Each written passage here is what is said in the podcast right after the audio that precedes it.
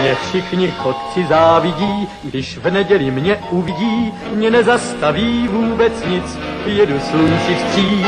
Já všude každý koutek znám a pěknou cestu vždycky mám, mě dobrý vítr provází, nic mi neschází.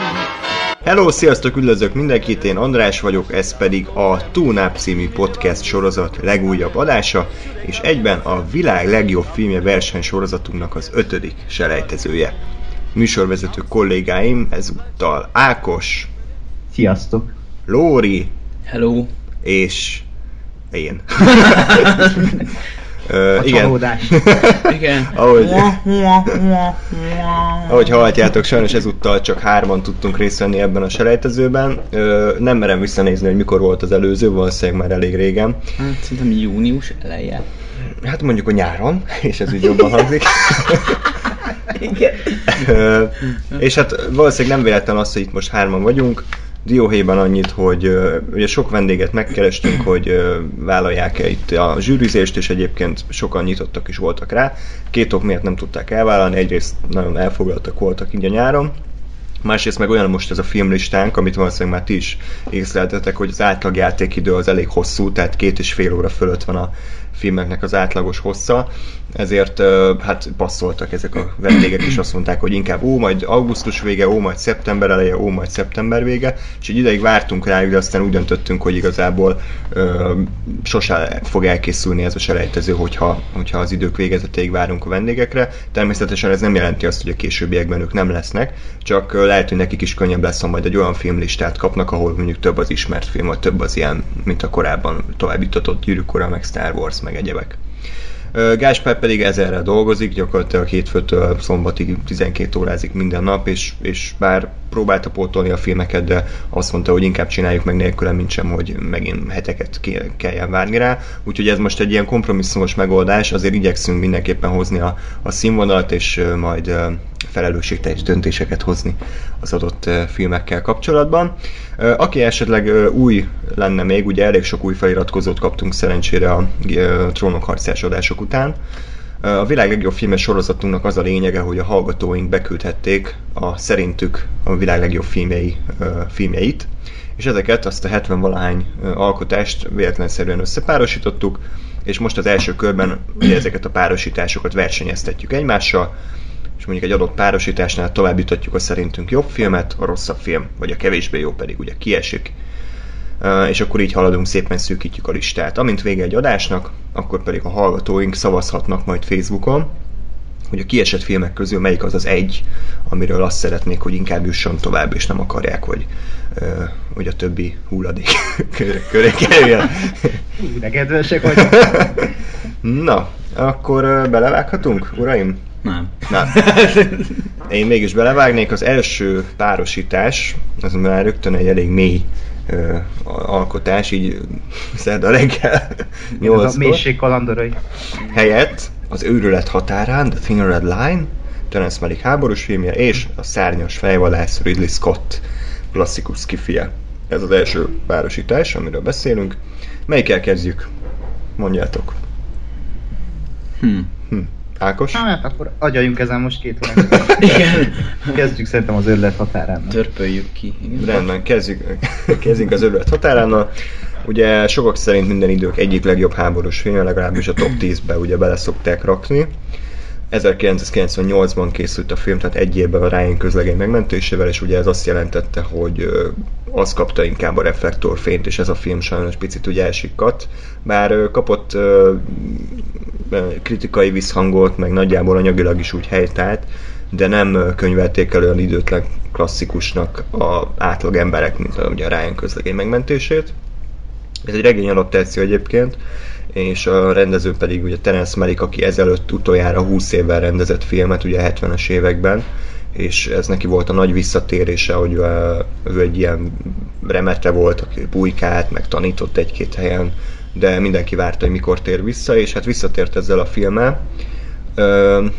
Ami szerintem azért jó, amely, am, amiért jó mondjuk a Dunkirk is, hogy egy szerzői, egyedi látásmóddal tudta bemutatni a háborút. Tehát nem, nem úgy mutatta be a háborút, hogy halára untuk már magunkat, hogy hú, a gonosz nácik, meg a hú, a hős amerikaiak, és akkor ők együtt verekednek egymással, míg végül győz a jó, és a gonosz meg, meg megmurdál hanem ez sokkal árnyaltabb képet kap, inkább, inkább ahogy a magyar címből is adódik az őrületről szól, hogy egy ilyen, ugye egy csendes óceáni hadszintéről szól egy Guadalcanal nevű sziget elfoglalásáért folyik a küzdelem, ahol a japánok ellen küzdenek ugye az amerikaiak, és amikor tényleg ott vagy a dzsungelbe ezen a festői, gyönyörű tájon, és és igazából ide akár nyaralni is mehetnél, de nem nyaralni mentél, hanem embereket gyilkolni, embereket ölni. És a filmnek a kiszámoltam 100 perce arról szól, hogy egyetlen egy dombot próbálnak elfoglalni az amerikaiak. Tehát itt nem arról van szó, hogy gyönyörű hősi küldetést hajtanak végre, hogy Ryan-t, ugye már neve is ilyen tipikus amerikai, Ryan-t kell megmenteni a hős Tom Hanksnek, hanem egy, egy teljesen ilyen külső szemlélő számára érthetetlen és szürreális küldetés, miszerint egy, egy dombot foglaljunk el 100 percen keresztül, ugye nagy részt erről szól a film, eszméletlen sztárparádéja van, tehát majd ha megnyitom az IMDb listát, akkor szerintem egy percen keresztül sorolhatom, hogy mennyi színész van ebbe a filmbe. Többségüket egyébként ki is vágták, tehát például szerepelt a filmben Mickey Rourke, meg Viggo Mortensen, de azokat nem elég így kivágta, úgy, ahogy van. És az a durva, hogy eredetileg nem is a Jézus lett volna a főszereplő, ugye a Jim Caviezel, Mhm. aki úgy narrálja a filmet, meg Aha. ilyen, azt hiszem Wittnek hívták, hanem az Adrian Brody, az megvan neked, Lóri, hogy ez melyik? Nem. Az Adrian Brody. Durva. Az Adrian Brody, és az Adrian Brody ugye úgy jött be a film premierére, hogy azt hitte, hogy ő a főszereplő. és beült, és így, beült, és így letett 170 perc, és ő szerepelt kb. 5 percet a filmben. És akkor is csak úgy, úgy nem csinált semmit. És így kicsit ki volt akadva, hogy mi a szar. De melyikről azt kell tudni, hogy a filmét általában a vágó asztalon rakja össze, és úgy ö, simán kihagy színészeket, hogyha úgy gondolja, hogy nem fontosak, még akkor is, hogyha korábban ő volt a főszereplő. Na, de tehát én egyébként nagyon szeretem ezt a filmet, az zárójelben mondanám, hogy meddigből írtam a szakdolgozatomat, tehát hogy nagyjából azért képbe vagyok a, a csávóval, és így újra nézve is abszolút rendbe találtam a filmet. Nekem az utolsó 40 perc azért picit leült, tehát hogy amikor ugye megtörtént ez a bizonyos nagy támadás ott a japán falu előtt, amikor ugye lemészárolnak mindent az amerikaiak, utána még tartott a film 40 percen keresztül, és az picit úgy éreztem, hogy olyan, hogy megakad a lendülete a, a filmnek, és nem igazán tudja ő se, hogy hova menjen tovább, merre menjen, ami valószínűleg a valóságot is jól leképezi, hiszen a valóságban is úgy, hogy elfoglalsz egy mondjuk egy haditábort, akkor utána most mit csinálsz? Tehát ott örködsz, meg ott ülsz, csak filmben ez picit, nem tudom, nekem lerontotta a végeredmény, de összességében szerintem ez egy igazi klasszikus. Többiek Ja. szó- szólaljanak meg. Hm, Kezded, vagy kezdjem? Kezdjed, kezdjed nyugodtan. Oksa. Na, szóval, hát most inkább András csak kiegészíteném a saját gondolataimmal. Uh, ugye láttuk még a- annó körül korábban a, mi ez a... Életfája. Tri, igen, az életfáját, és az ismerik, és nem tudom, igazából a hangulata a két filmnek elég hasonló, Igen. tehát így brutál, jó kamerabeállítások, meg uh, mély filozófiai suttogások. Egyébként Igen. nagy részt egy, a, a narráció egy csomó ilyen filozofikus témát vett föl, tehát önmaga a film sokkal kevesebbet boncolgat ehhez képest. Hát a főhősünk fejében zajlik le inkább a, a dráma ilyen szempontból. És ö, én így írogattam ki ilyen gondolatokat, amiket a film feszeget, és igazából én, én szeretem az ilyen, ilyen gondolatokat. Viszont ö, alapvetően azt is hozzá kellett, hogy tegyem, hogy a film nem nagyon árnyalt, tehát azt hivatott bemutatni, hogy a háború szar és, és azért így ezt, ezt így nem, nem árnyalja túl a belső monológokkal.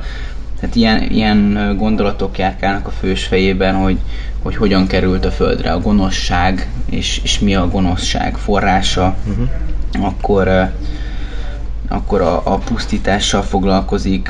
Egy ilyen tök jó párhuzamot von egyébként a történet a, az ember és a természet között, tehát egy csomó te, önmagában vett természeti képpel jelenik meg, hogy mennyire szép a természet, és ehhez képest ha, hasonlítja össze az emberi természetnek azt az oldalát, ami hát nem annyira büszkeséggel tölti el az embereket. Egy pillanat türelmet kérek. stúdióba bejöttek pára. stúdióba bejött egy postás. Meghozta a gázsidatló. Igen. Megjött az utalás, hogy ilyen szép mondatokat Ez mondok az- reggel 8 Most is, el, most is elsütöttük ezt a remek poént. Igen. Na mindegy, a lényeg, hogy... Ez a kamera beállítás szerintem élet, életem végén megvan, amikor a fű fölött is suhan előre így a kamera tőled, nagyon hosszan. Aha, igen, igen, Igen. igen. Mint ha valami egy szellem járna a területen. Egyébként uh, itt ki, nem a, nem a Lub- Lubecki volt az operatőr, ugye? Nem. John Nem. Toll. Jó, de mindegy, egyébként a jellege elég Nem, hasonló. abszolút, igen. Na mindegy, akkor ö, nagyon kiemeltem egy, egy, egy ilyen párbeszédet a filmből, ez óriási volt, megöltem egy embert, és nem lesz semmi. Pedig sokkal, pedig sokkal rosszabb, mint megerőszakolni valakit.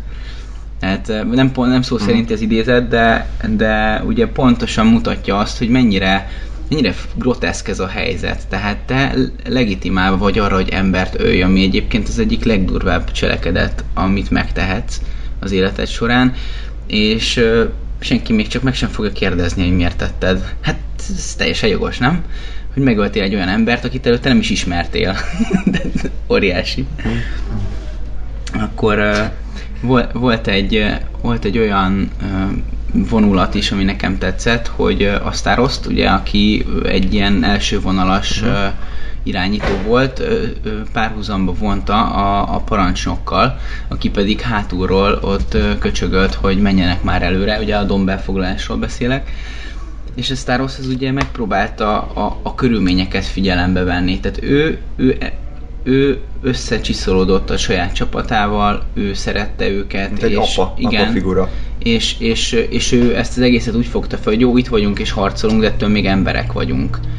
És a parancsnok az pedig hátulról, ahonnan ő nem, nem, lát, nem volt közvetlen, közvetlen rálátása a, a helyi helyzetre, ő csak küldte őket előrébb, mert ő neki meg eredmény kellett. Igen. És mint kiderült utólag, és ez sokkal durvább, hogy neki ez volt az első háborúja, és hát ő, ő, ő egész életében arra várt, hogy végre valamit letegyen az asztalra, és ő ezért bármilyen áldozatot meghozott volna. És igazából szerintem a film nem mondja ki, hogy, hogy melyik a jobb, hanem hoz egy, egy, egy olyan katonát, aki, aki megpróbál empátiával, idézve empátiával hozzáállni a háborúhoz, a másik pedig egy 100% cél, célszerűséget képvisel. Tehát ő, ő hajlandó áldozatokat hozni a háborúért. Csak hogy megéri el. Igen. Mert azért az egy dombér. Igen, pontosan, tehát ezt, ezt, a, ezt a két viszonylatot szerintem egész jól mutatja be a film, és akkor egy, egy idézet arra, hogy, hogy mennyire mennyire kevésbé árnyalt gondolatok is vannak a filmben. A, a háború nem nemesíti az embert, állatokká teszi őket. Tehát ez, ez, ez viszonylag Szép azért... ez viszonylag azért egy, egy elég, elég konkrét arcbamondás, ez körülbelül akkor tehát hangzik el, amikor egy falut mészárolnak le. Úgyhogy oda, oda vágták ezt be. Én azt gondolom, hogy elég jól körbejárja a háború témáját. A háborús filmek közül a legjobbak között van, ami, amit én eddig láttam, és, és nekem abszolút tetszett az a fajta elesettség, ami jellemzi az itteni hősöket, hogy, hogy egyszerűen odamész, és teljesen mindegy. De ezt ki is mondják a filmben, de én már közben éreztem a, a filmből, hogy, hogy teljesen mindegy, hogy te mennyire jó katona vagy. Vagy mákod van, és túléled, vagy lelőhetnek a szarba. És ez nem a kiképzé, ki, kiképzéseden múlik, hanem azon, hogy éppen rossz helyen voltál rossz időben, vagy jó helyen jó időben. És ez, ez olyan félelmetesít, ezt teszi igazán félelmetessé az egészet, hogy ez nem egy Skander az erősebb nyer, hanem ez egy kicsit másabb játék. Ákos?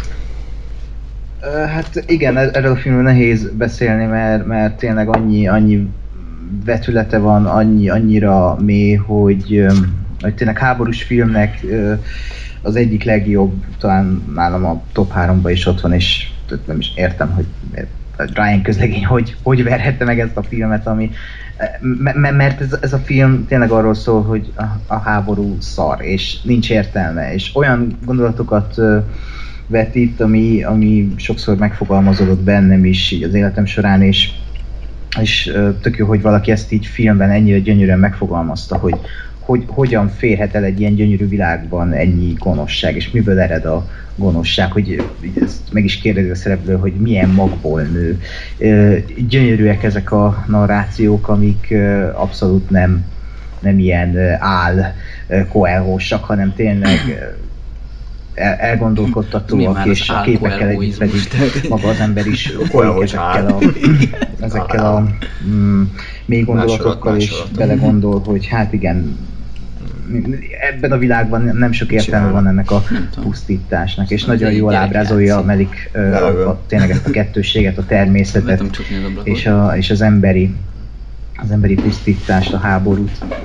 És nagyon tetszett, ahogy kezdődik a film azzal a törzsel, ahogy ott Jim Caviezel, vagy hogy kell mondani a nevét, a Jézus, aki Igen. ebben a filmben is végül is egy Jézus figura, Igen. Ö, végül is egy idilli paradicsommal kezdődik ez az egész film, és ezen nagyon jól megteremti azt, ami aztán később vár ránk, azt, a, azt, a, az, azt az ellentétet megteremti.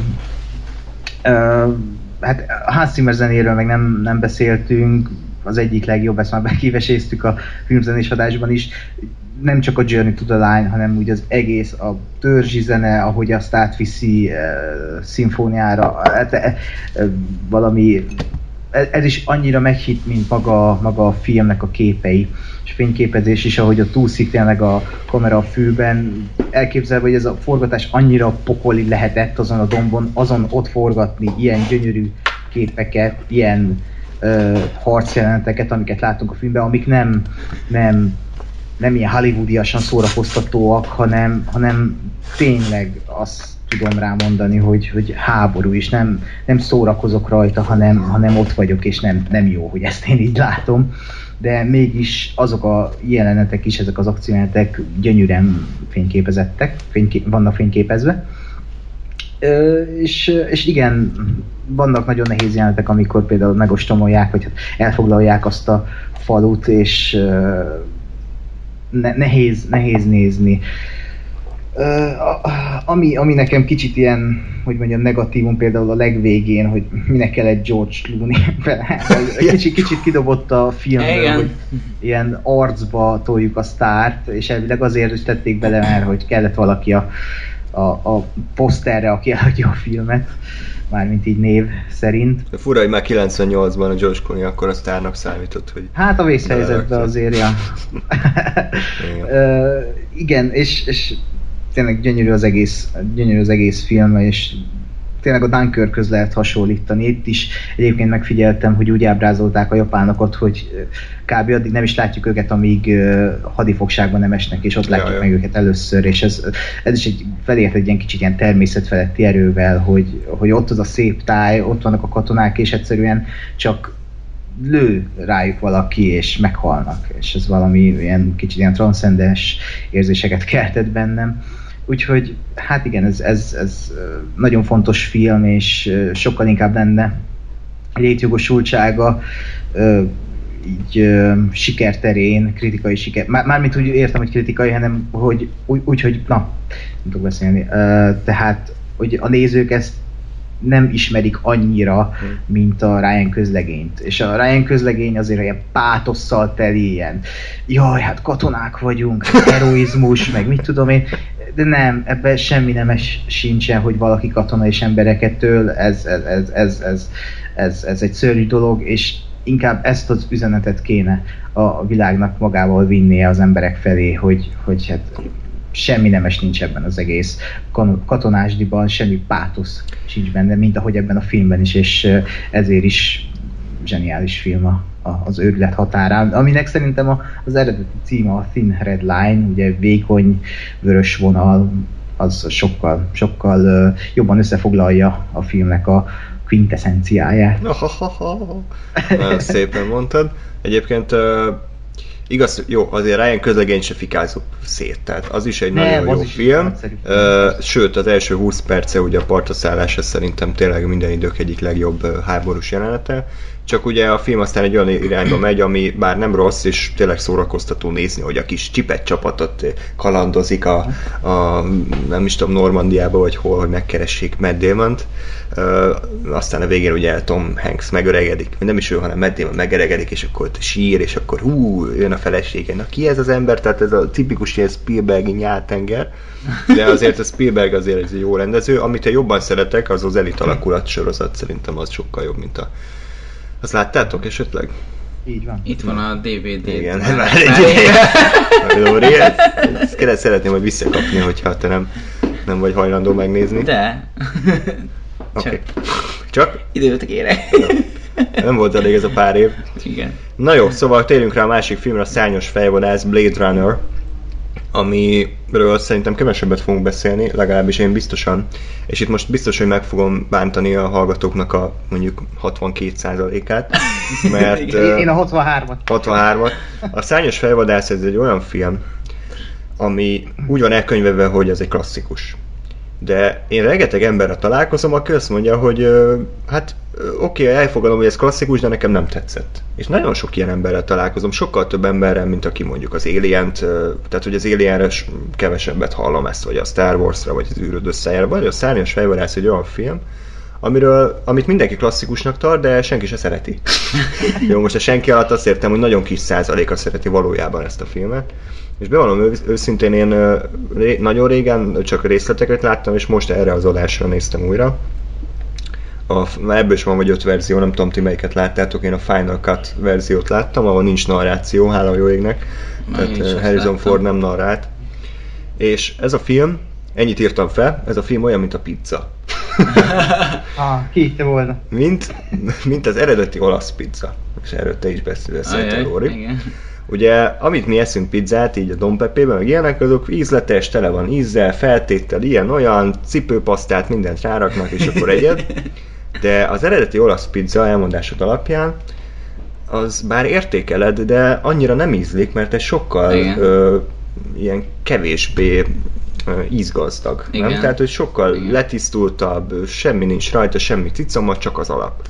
És azért a Blade Runner egy olasz pizza, mert azóta, mióta ez a film kijött, annyi ilyen robotos témájú filmet láthattunk, annyi ilyen mély filozófikus idézőjelbe művet, például a Westworld sorozatot, meg rengeteg mást, hogy ez már visszatérni az alaphoz, az eredeti pizzához már, már nem olyan finom, hiszen már, már ennél sokkal finomabbakat is ettünk. Uh-huh.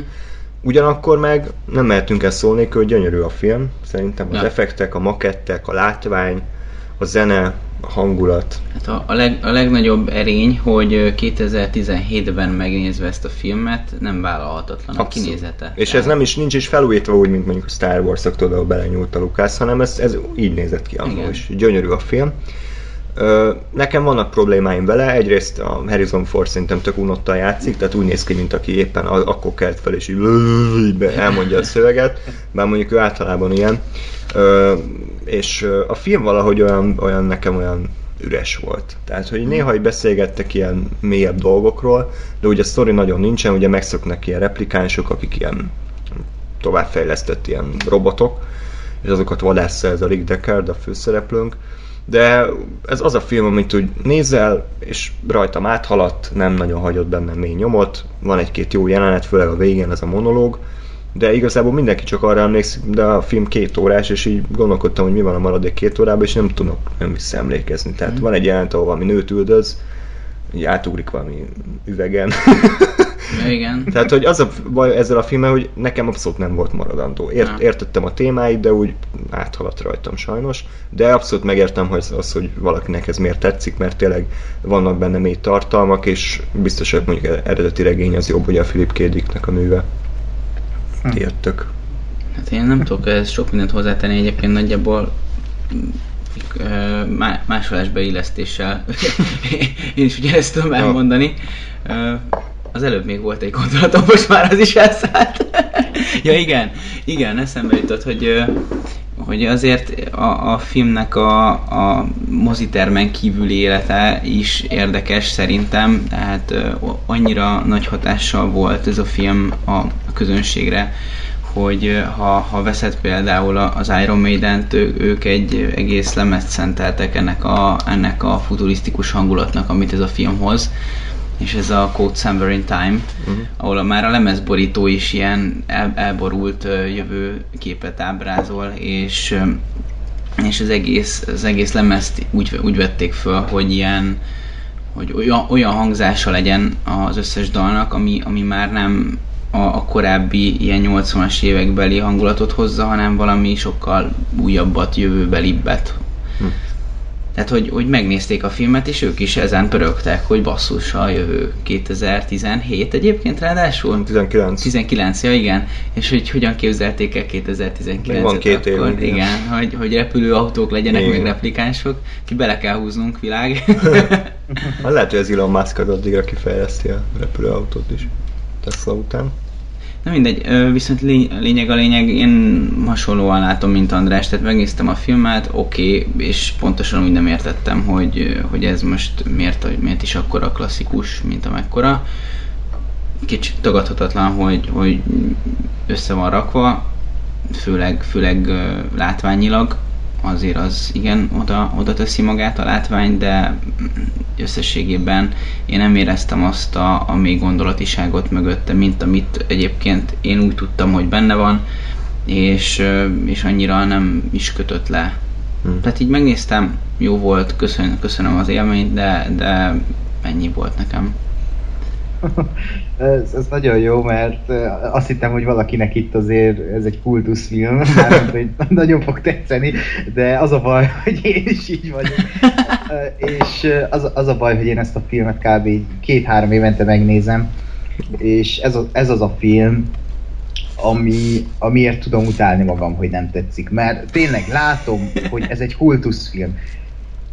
Tudom, hogy ez is mély témákat boncolgat, és, és tudom, hogy nekem ezt tetszeni kéne, mert skifi, cyberpunk, ilyen kis noiros hangulata van, gyönyörűek a díszletek, a látvány, meghaladta a korát, Harrison Ford, Ridley Scott, minden benne van, ami, amiért imádnom kéne ezt a filmet, és, és, és nem, valahogy engem érzelmileg nem tud elkapni, és mindig azt hiszem, hogy jó, két évet kell öregednem, és ak- vagy pár évet kell öregednem, és akkor majd öregebb fejjel lehet, hogy tetszeni fog, csak valamit nem értek, de még mindig nem, nem, nem tud elragadni engem ez a film, és rájöttem, hogy igazából itt valószínűleg a karakterekkel van bajom, hogy egyszerűen nincs kötődésem magához, Rick Descarteshoz, akármennyire is lazán néz ki abban a kis barna kabátban, de eh, nem, nem, nem, nem húznak be a párbeszédek, semmelyik karakter sem szimpatikus. Ö, Van, tényleg vannak benne gyönyörű jelenetek, amikor a végén az a nagy monológ lezajlik, és Vangelis zenéje az földön túli, de valahogy nem, nem tud behúzni. Elismerem, mint klasszikust, és tényleg, én, én még egyszer mondom, utálom magam, hogy nem szeretem ezt a filmet. De- de ez- Szeret, Ez egyébként Szeretik. hülyeség. Miért utálod magad? Ne utáld már magad. Hát ez, ez teljesen normális dolog, hogy neked va, van egy olyan dolog, ami nem tetszik, ami mondjuk sok embernek akár igen, de ez előfordul, és ez teljesen Persze. normális. Úgyhogy kérlek, ne utáld magad. De ez itt most a pszichológiai adás, miért utálom magam? Miért utálod magad, Ákos? Igen. Volt valami a gyerekkorodban? Esetleg hozzád értek ott? Igen, Harrison Ford a barna bőrcsekében. Iga- igazából azért, mert ahogy elmondtam az előbb, ebben minden benne van, amit, amit szeretnem kéne, és az frusztrál engem, hogy valamit nem látok, vagy nem értek még, vagy csak egy hülye gyerek vagyok, aki Nem. nem, a 80-as években élt. Lehet, hogy egyébként, ha uh, akkor láttuk volna ezt a filmet, amikor bemutatták moziban, akkor velünk maradt volna így az emléke, és akkor úgymond tényleg újnak számított. A mai napig újnak számít, mert érezzük azért rajta, hogy meghaladta a korát, de hogy ö, már nincs meg ez a ez a úgymond újdonság hatása, és én ezért várom a második részt, mert ott szerintem benne van a potenciál, hogy, hogy az sokkal jobban fog tetszeni, sőt, nekem az egyik legvárosabb film idén. É- És ö, ö, Főleg, hogy a mert Denis De- Villeneuve rendezi. Hm? Hát főleg, hogy a Denis Villeneuve rendezi. Így a filmje itt van van. az Isten. Igen. Így van, úgyhogy ő, ő egy más dolgot kihozhat ebből az egészből, ami érzelmileg meg fog ö, fogni engem, és szerintem remélem titeket is. Hát sajnos én is inkább azt mondom, hogy Blade Run... Hát akkor úgy érzem, hogy három az... Tehát akkor három tovább jut a szárnyas. Igen. Ridley Scott már itt veri az ablakot. Nem Igen. értitek a filmet ki, rohadékok. Nem tudom miért van ilyen akcentusa. Inkább angol akcentus kéne. Hát azért, Szegény mert, öreg már. azért, mert sokat járt Tennessee-be, és tudod, átragadt. Hát akkor elnézést kérünk a szányos fejvadásztól. Megnéztük, egyébként én nekem tetszett a film, de nem annyira és nem olyan mértékben, mint az őrület határán, úgyhogy sajnos úgy tűnik, hogy 3 0 kikapott. De még visszaszavazhatjátok, ha úgy gondoljátok, hogy megéri, bár nem biztos, hogy mi majd értékeljük. Az a jó, hogy mi irányítjuk a szavazást, Igen. Igen. mi, mi mahinálunk a háttérből. Jó, végnek rendelkezünk végtelen szavazattal. Így van. Na, a következő párosítás szerintem gyorsabban fog menni, ugyanis a Man from Earth, magyarul az őslakó című film, Igen. illetve az utolsó Mohikán párosításáról beszélgettünk. A Man from Earth-ről szerintem már volt korábban adás, én nem akarom nagyon magam, magam is ismételni, ugyanazt el tudom mondani. Ez egy remek forgatókönyv, de rossz színészek és rossz rendezéssel megörökítve, ezért nem tudom, hogy ez most egy jó film, vagy csak egy jó színdarab alapanyag-e. Ö, Az biztos, hogy az alapsztori az nagyon érdekes és egyébként nagyjából össze van rakva, csak nekem annyira ilyen, ilyen nem tudom, ilyen Z plusz, vagy nem is Z plusz, hanem az ilyen hálózat TV színvonalú az elkészítése, hogy nekem az picit lerontja az össz, összhatást. Az utolsó Mohikán pedig most láttam először, és tökéletesen beleérik ebbe a 90-es éveknek egy ilyen kalandos, régi, régi világban játszódó filmjei közé, mint a Robin Hood, meg a Braveheart, meg, meg egyebek. Szerintem abszolút ugyanez a stílus, ugyanez a kategória. Picit kisebb volt a léptéke a filmnek, mint gondoltam, tehát azt hittem ez is ilyen kalandozós epic film lesz, de a háromnegyed egy erőt bejátszódott, tehát mondjuk erre nem számítottam. De a, ennek az utolsó mondjuk negyed órája azért eléggé felpörög és elég komoly érzelmeket tudott kicsikarni belőlem. Úgyhogy én még nem döntöttem. Ti jöttök. Uh, Man from Earth, uh, nekem, én, én most láttam, azt hiszem harmadjára ezt a filmet. Uh, azt kell, hogy mondjam, hogy én nekem harmadik nézésre is abszolút olyan volt, hogy levett a lábamról. Én engem nem, nem annyira foglalkoztat itt a színészi játék, annyira egy agytorna az egész szerintem, hogy, hogy engem végig lekött az, hogy miről beszélgetnek. Ami egyébként egy-két ponton még így is, így is ilyen rámegy ilyen bukkanókra, tehát van az a vallástörténésznő, vagy, vagy ő mivel foglalkozik, most Ja. nem emlékszem. Na most egy, egy vallástörténész, aki mondjuk professzor és egyetemen tanít, azért ritkán szokott úgy reagálni egy ilyen felvetésre, hogy nem, te nem lehetsz Jézus, az Isten káromlás, érted? Tehát, hogy általában egy, egy ember, aki tudományos szinten azért művelt, nem, nem szokott ennyire érzelmi alapon érvelni egy ilyen felvetésre, hanem inkább megpróbálna értelmi alapon, mint mondjuk a többiek. Tehát vannak ilyen kis ö, mellékzöngei a dolognak, amik furává teszik a, az események sodrát, de Amúgy spoileres, meg aki nem látta a filmet, annak fogalma sincs, hogy miről beszélünk, de ja, nézzétek meg, semmi baj. sódigunk, de Már eddig is az volt, tehát nem baj. igen. Na mindegy, ajánlom a filmet, Csillag, még mielőtt elmondtam volna az egyik főfordulatot. Jó? Meg én, én továbbra is tartom azt, amit az akkori adásban elmondtam, hogy, hogy önmagában véve ez egy érdekes gondolatmenet, de, de én továbbra is azt, azt érzem és látom, hogy, hogy, hogy vannak erős buktatói többek között. Engem még mindig kidobott az, hogy, hogy ő azt mondta, hogy ő, őt, őt gondolták az emberek Jézusnak, de ő korábban találkozott Buddhával is, és az ő tanításait mondta tovább. Jézus és Buddha tanításai nem egyeznek meg egymással. Nyilván vannak gondolatok, amelyek közelítenek egymáshoz, de azért alapvetően a két tanítónak a gondolatisága azért közel sem ugyanaz a kategória. Úgyhogy nem mindegy, ezek, ezek azért így engem kicsit kidobtak a filmből, és mindezzel együtt még továbbra is azt gondolom, hogy ez egy, egy nagyon kellemes agytorna végig menni ezen a, ezen a fiktív vonalon, amit fölvázol a film, és, és tök jót lehet utána beszélgetni, és, és most is roppantul élveztem. Az utolsó Mohikán pedig egy nagyon kellemes kis film volt, igazából egy ilyen, ahogy te mondtad, 90-es évekbeli kis kedves kalandfilm. Kis aranyos kalpolásokkal, Én, én, én, Láblevágás. én, én, én, nekem nagyon tetszett az, hogy így hogy hozták ezeket az ilyen középkori, ilyen szabályba illő háborúkat, és akkor kimentek, ott tárgyalgattak egymással aranyosan, meg akkor ott izé vonulgattak, tehát én, én bírom ezt az ilyen napoleoni háborúk környéki meg előtti hadviselést, ami, ami még ilyen nagyrészt ilyen szabálykönyvekről etikette alapján. igen, igen, tehát etikett alapján ment, és egyébként a Napoleon ezért verte végig az egész, egész Európát, mert ő leszarta a szabálykönyveket, hogy hogyan kell háborúzni, és ő elkezdett háborúzni. Többiek meg néztek, hogy mi van ezzel, hát meg se itt a teát, amit vele eladtam neki. Ja, hát igen, mert hát ott például az volt ugye, hogy fontos az, hogy, hogy te domboldalon legyél, mert az előnyt jelent. A Napóleon meg levonult az árokba, érted? Mármint a, a domboldal al- aljába. És akkor nyilván úgy állt az ellenfél, hogy jó, hát akkor ez hülye, akkor hülye.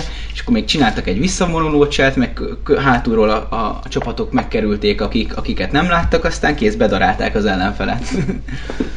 Ez meg teljesen újszerű volt, úgyhogy nekem ezt a, ezt a világot hozta vissza, ezt az ilyen, ez egyik kedvenc hadviselési időszakom egyébként. Ha már így elmondtuk az előző körül, hogy a háború rossz.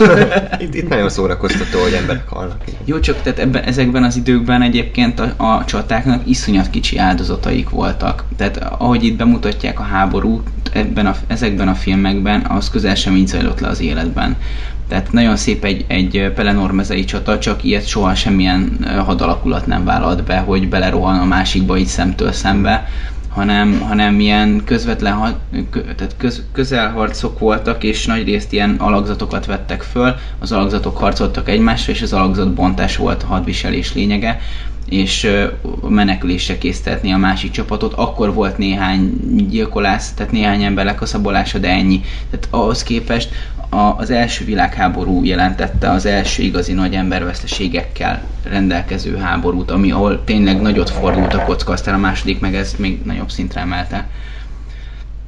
Na mindegy, a lényeg az, hogy nekem ez egy kellemes filmélmény volt, és, és, és jó volt, tehát ebbe a, a korba visszacsöppenni, és, és jó volt a hangulat, nekem abszolút így, így rendben volt. Ákos jön. Hát, hát az őslakó, az, az nekem egy olyan film, ami, ami, aminek az ötlete nagyon jó, forgatókönyv lehetett volna erősebb, de önmagában az ötlet az szerintem, az szerintem zseniális, de azt hiszem ez ö, könyvadaptáció talán, vagy valami ilyesmi, vagy én vagyok a hülye. Olyan- Még beszélj, addig időt nyerünk. Jó, oké, akkor úgy csinálok, mint nem kérdeztem volna meg. De, de egyébként az a rendezés, a színészjáték, az operatőri munka, az, az számra ez, ez nagyon lerontja ezt az egész összképet. És ezért uh, sajnos nem tud annyira maradandó élmény lenni, uh, csak gondolat, gondolati téren, uh, amiről szól, szól a film, és uh, egyszer mindenképpen kéne megnézni, most láttam talán másodszorra. Mm, hát té- té- tényleg lehet róla beszélgetni magáról a témáról, de mint, mint filmről nem, nem, nem túl sokat, mert tényleg amiket uh, itt a rendező bevet, mint beállításokat, az, az ilyen, té- tényleg, hogy az András is mondta, ez a film plusz hálózat, tévés, té- tévéfilm színvonal, így, így e- ezért engem nem, nem nagyon tudott megfogni ilyen téren, és egyébként nagyon érdekes, hogy a, a szegény rendező, a, Így mindjárt segítséget kérek az internettől, a Richard Shankman, ezután a, az Abraham Lincoln a zombi vadászt rendezte. Úgyhogy re, remek karriert futott be a csávó, és egyébként azt tudtátok, hogy jön a második része még idén ennek a filmnek. A zombi vadásznak? Az őslakónak. Az ős, igen, az ős, ős, Az őslakó kettő! Zombi vadász. Még mindig él! És még mindig mesél. És halára mutatott embereket! Ott már így felakasztotta magát, mint az Airplane-ben. Igen, a, izé, a Freddy Krueger az az álmokba gyilkol, ezek a mesék. Ezek mesél. Arról szól, hogy mint a Forrest Gump lövő emberek mellé padra, és így elkezd mesélni. Úristen. Na, de mire szavazunk? Hm? Ákos? Hát, hát az utolsó Mohikán, azt, azt én imádom. Az az egyik kedvenc filmem, egy zseniális kalandfilm, Michael Mannnek az egyik legjobb filmje, Daniel Day-Lewis. Hatalmas benne, a, a, az utolsó negyed óra az, az filmtörténelem azzal a, a, hát Trevor Jones zenével, amit, amit már kiveséztünk, mert hát ha már itt tartunk, akkor Trevor Jones zenéje, a film fő témája az, az valami hidegrázósan jó, és tényleg ez, ez egy klasszikus kalandfilm, de, de abban a legjobb, az egyik legjobb, és gy- gyönyörű, gyönyörű jelentek vannak benne. Például, nekem mindig az egyik nagy kedvenc így jelenetem beállításom volt, amikor ott a vizesésnél elbúcsúzik, elbúcsúzik a sólyomszem a, a, a, a, a, a jaj, hogy hívják a csajt, Cora Munrótól, Ö, úgyhogy nekem, nekem ez nagy, nagyon-nagyon nagy kedvencem, és hát val- valószínűleg akkor erre fog szavazni, és nem arra, amit az előbb, amire az előbb azt mondtam, hogy annyira nem, nem, nem tetszik. Meglepő. Úgyhogy utolsó mohikán, yeah. Jó, én akkor az őslakóra teszem le a voksomat. És leginkább azért, mert ugye, ugye most nem kérdezted meg az adás elején, hogy mi alapján szavazunk. Na, már úgyis tudja mindenki. Igen, mert úgyis most, de pont elmondtad az adás elején, hogy sok az új felirat. Azok is tudják. Igen, ezért nekik nem mondjuk el, hogy mi alapján szavazunk. Tehát, Hallgassák meg az adásokat, a régieket, és akkor majd megtudják. igen, akkor izé, csillag, hallgass meg az összes korábbi világlegjobb filmadást, és akkor miért nem tudod még eddig. Szóval szerintem ez, ez sokkal inkább közel áll, még azzal együtt is a, ahhoz, amit én gondolok, hogy, hogy nem, nem egy ilyen ö, hibátlan film, mert nem tudom, tehát én nekem ez egy ilyen, hát tipikusan az, az a történet, hogy, hogy megnézed, és aztán utána egy el tudtok beszélgetni róla, és, és ez, ez nekem, nekem jobb élmény volt, mint egyébként megnézni a, már is mondom, az utolsó Mohikán, ami egyébként jó volt, tehát tökre rendben van ez a, ez a hangulat, minden, minden a helyén volt, de, de valahol egyébként van egy kis Pocahontas utánérzés a dologban, amit már, amit már egyébként szintén más történet is feldolgozott. Ez meg legalább egy, egy, egy újabb jellegű gondolat. Egyébként nem színdarab adaptáció, hanem eredeti ötlet, ha ez Na. érdekel még valakit. Hát én nem tudom, az utolsó Mohikán ugye sokkal jobban össze van rakva, sokkal szebb a fényképezés, sokkal jobb a színészi játék, sokkal mm, filmesebb az egész, de viszont hát nagyon tartalmat én nem találtam benne, hanem elmesélte ezt a történetet, ugye egy ilyen, azt hiszem könyvalaptáció, a klasszikus indián regényeknek az adaptációja. A Man from Earth meg ugye pont az ellentét, tehát ugye külsőségekben ronda, viszont belül meg, meg nagyon szép és nagyon ö, Mint a csokító. minden... Ronda és finom. Mi? Lóri hirtelen 2002-ben visszarepültél. Hát jó, hát a gyerekkorom vágod. Szinte meg se születtek, akik hallgatják ezt még akkor. Úgyhogy nagy bajban vagyok, de Szavazz arra, mire én. én. Nem már, nem már. Ö, nem, azért az jobban, nyugodtabban aludnék, hogyha a Man from Earth nem tovább, mert szerintem azért összességében egy értékesebb film. Azért, mert az utolsó Mohikán hasonló stílusában láttam már jobb filmet, tehát láttam már jobb kalandfilmet, mint például a rettenthetetlen.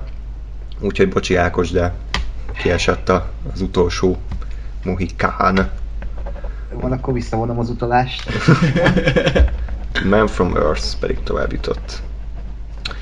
A következő párosításunk az hát két nagyon fajsúlyos és nagyon komoly mű. Az első a jégvarázs, a másik a... Wreck-It Ralph, Ronto Ralph. Helyett a felperzselt föld, ami nem egy Disney mese, hanem Danny Villeneuve-nek a, az első ismertebb filmje, korábban is rendezett már filmeket, de ezzel futott be igazán, egyébként egy kanadai film, de nagy részt ugye a közel-keleten játszódik. A másik pedig a Volt egyszer egy Amerika, ami listánk, egész listánk leghosszabb filmje, majdnem négy óra hosszú, és Sergio Leone rendezte, aki ugye meg a dollár trilógiával vált ismerté, amiben ugye a jó, a rossz és a csúfról is lesz szó ebben az adásban. Kezdjétek most ti.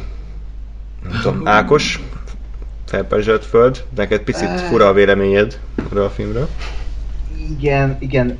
Én ezt a filmet azt hittem, hogy láttam már így adás előtt, és igazából... Azt Nem. hittem, hogy láttam. Ez jó. De, de összetévesztettem a... Most nem teszem megint adnak a filmnek a címe, az is egy, azt hiszem, egy kanadai film. És... Jég Hát, veled? Nem? Um, hát nekem ez a... Fi- eh, volt egy film ebben a... a Volt egyszer a egy já- já- játékban, volt egyszer egy film ebben a játékban, eh, ami, ami hasonló érzéseket vált ki, de az pozitívan csengett le, ez volt a... Náder és Sim. Náder és Simin, igen, ami, amire úgy emlékeztem vissza, hogy nem, nem nagyon tetszett. Az viszont újra nézve azt mondom, hogy egy zseniális film. Viszont itt a Felperzselt Földnél ö, hát megnéztem, és nagyon kemény, nagyon úsba vágó élmény. A vége olyan volt, hogy így adott egy gyomrost, kivágott az utcára a sárba, belefektetett a sárba, utána meg kidobott a kocsi elé, kb. ilyen érzés volt a vége, de az, hogy a vége Egész egy ilyen, egy péniszről. ilyen pozitív, hát most hülyén szólva, hogy pozitívan mm, földhöz vágott, és emiatt ez, ez egy pozitívum a filmnek, hogy, hogy ennyire pofán tudott vágni. Nagyon jó megfogalmazás. De önmagában a film érzelmileg abszolút nem tudott maga alá vonni, és ez nem, nem mondanám, hogy a filmnek a hibája. Valószínűleg az, az lehet itt a gond, hogy nehezen tudtam befogadni, amit látok, és érzelmileg nehezen tudtam kötődni ahhoz, amiről ez a film szól. A, ami, amik történtek ebben a filmben, azok megráztak nyilván, de, de így a karakterekhez és a, a magához a történethez nem, nem tudtam kötődni érzelmileg, és nem, nem találtam egy pontot a főszereplőkkel, hogy azonosulni tudjak velük, és nekem lehet, hogy túl nyers volt ez a ez az alkotás, és ezért is csúszott félre nekem. Hát most nem tudom mennyire spoiler, ha most azt mondom, hogy van egy sejemelen csavar a végén, amit kb. sejemelen is meg, megirigyelhetne.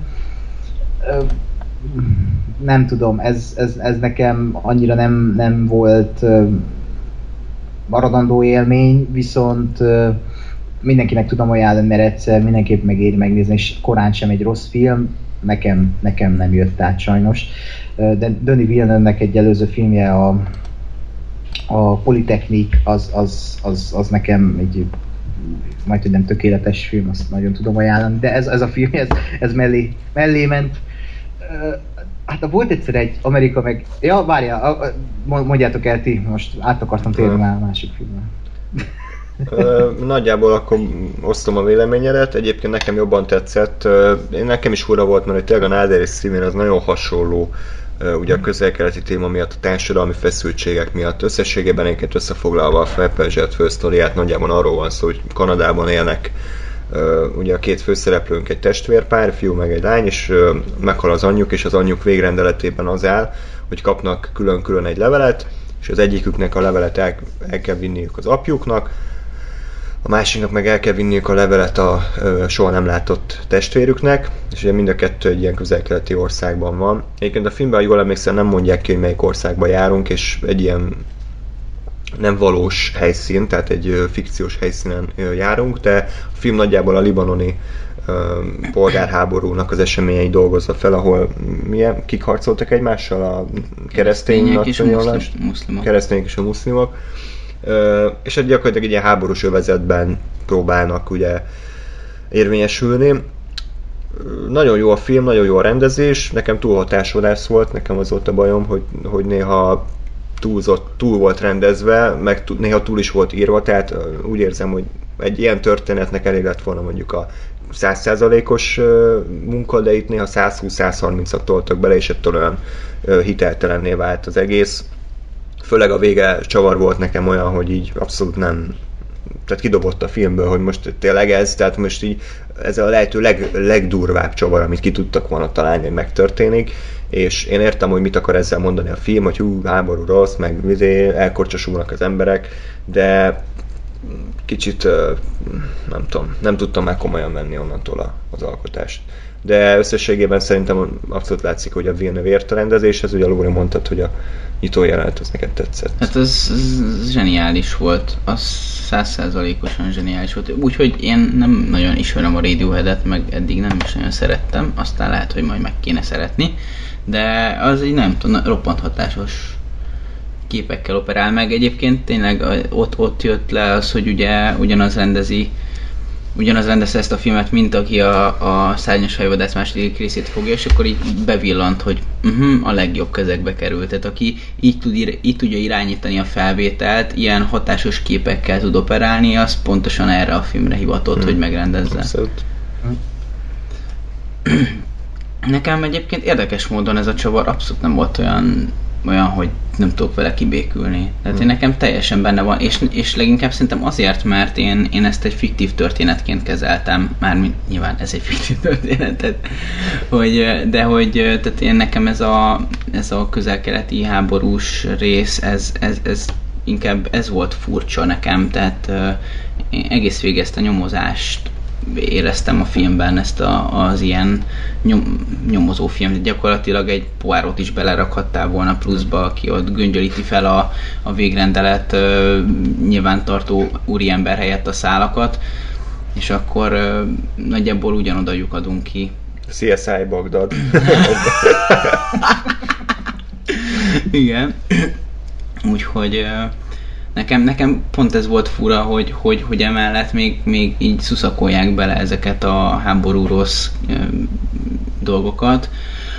A, az egyetlen olyan rész, ami, ami ebből így, így igazán szerintem fontos volt és jó volt, bár kb. a film leghatásvadászabb része, amikor megállítják a buszt, amin utazik az anyuka, leszállítják, és én már éreztem a kamera mozgásból, hogy ott szarrá fogják lőni a, a buszsofőrt, és aztán utána hát nem tudtam, hogy, nem tudtam, hogy mire fog kimenni a dolog, de aztán felgyújtják az egész uh, buszt mielőtt a szét, mi, miután szétlőtték, tehát még a maradékot is kinyírják, és aztán még direkt fokozza a jelenet tovább az egészet, hogy legalább meg akar a főhősünk menteni egy gyereket, és még azt is kinyírják. Tehát na mindegy, igazából az, az, egy, az egy csúnya jelenet volt, jól volt megrendezve, de így mondom, én nekem inkább ez a nyomozós szál volt a filmnek a, a fő vonulata, és ezért nem nagyon értettem teljesen, hogy simul bele ebbe ez a ez, a, ez az ilyen közel-keleti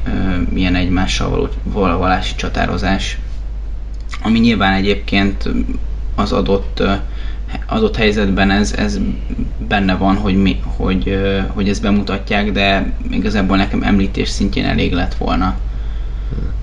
De az meg, akkor meg a film komorsága érde, válik érdekessé, hogy mitől ilyen, ilyen marcona ez a megjelenés. Mindegy. Jó, jó film. Igen, alapvetően rendben van, de nekem, nekem... Kevesebb, néha több. Igen, volt, volt, volt a kétségeim a dologgal. Igen.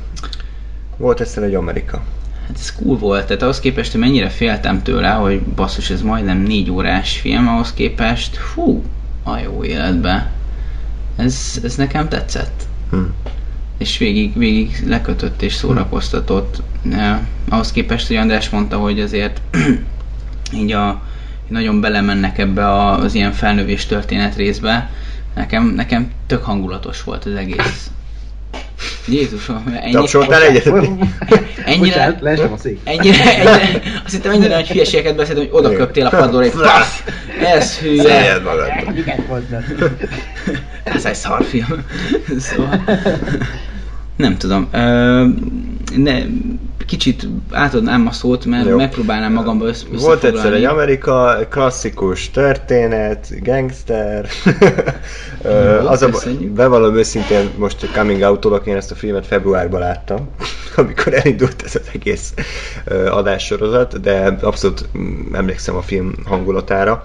Ugye egy ilyen kamasz gyerekcsoportról szól, és akkor a két főszereplő, ugye Robert De Niro és James Woods, ugye ők nem gyerekeket játszanak, hála Istennek, csak ugye megvannak a gyerekszínészek. Mekkora Nem oda vetítették a fejüket a gyerek uh. uh, és akkor ugye látjuk, hogy a idézőes jelenben mi van velük meg, hogy a múltban. Egy ilyen klasszikus gangster eposz, tehát olyasmi, mint egyébként a keresztapa, csak ugye megvan benne picit a Sergio Leone-nek a stílusa. Engem és igazából ez a legfontosabb engem arra emlékeztetett, mint egy kötelező olvasmány amit el kellett olvasnunk ugye középiskolában, meg általános iskolában. És a pál utcai fiúk, vagy a közszívű? Hát ugye a kettő között. Nekem a, én a közszívűt sem utáltam annyira, tudom ez mindenkinek a abszolút sátánya, de a közszívű ember fiaihoz tudnám hasonlítani, hogy ilyen, ilyen tipikus, klasszikus, nagyívű, korokon át felnőnek, tragédia, család, tehát hogy minden benne van, csak engem igazából, ahogy azok a könyvek sem nagyon fogtak meg érzelmileg, úgy ez a film sem fogott meg túlzottan érzelmileg. nem fogott meg érzelmileg. Az igen, de én most a kőszívűről beszélek. Jó. Meg különben kiütöttem. De bocs, a Pál utcai fiúk rajongói klub egyetlen tagja. igen, a itt egyetlen tagja. Igen. Um, ez a film olyan, mint egy szobor. Nem, ez az Andrzej Sapkowski nyilatkozta egy tök jó interjúban, hogy egy történetnek a megírása az olyan, mint a szobrászat.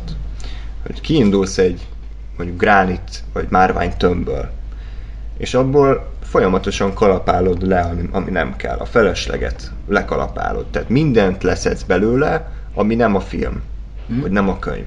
És a végén megmarad maga az alap, ami, ami a történet.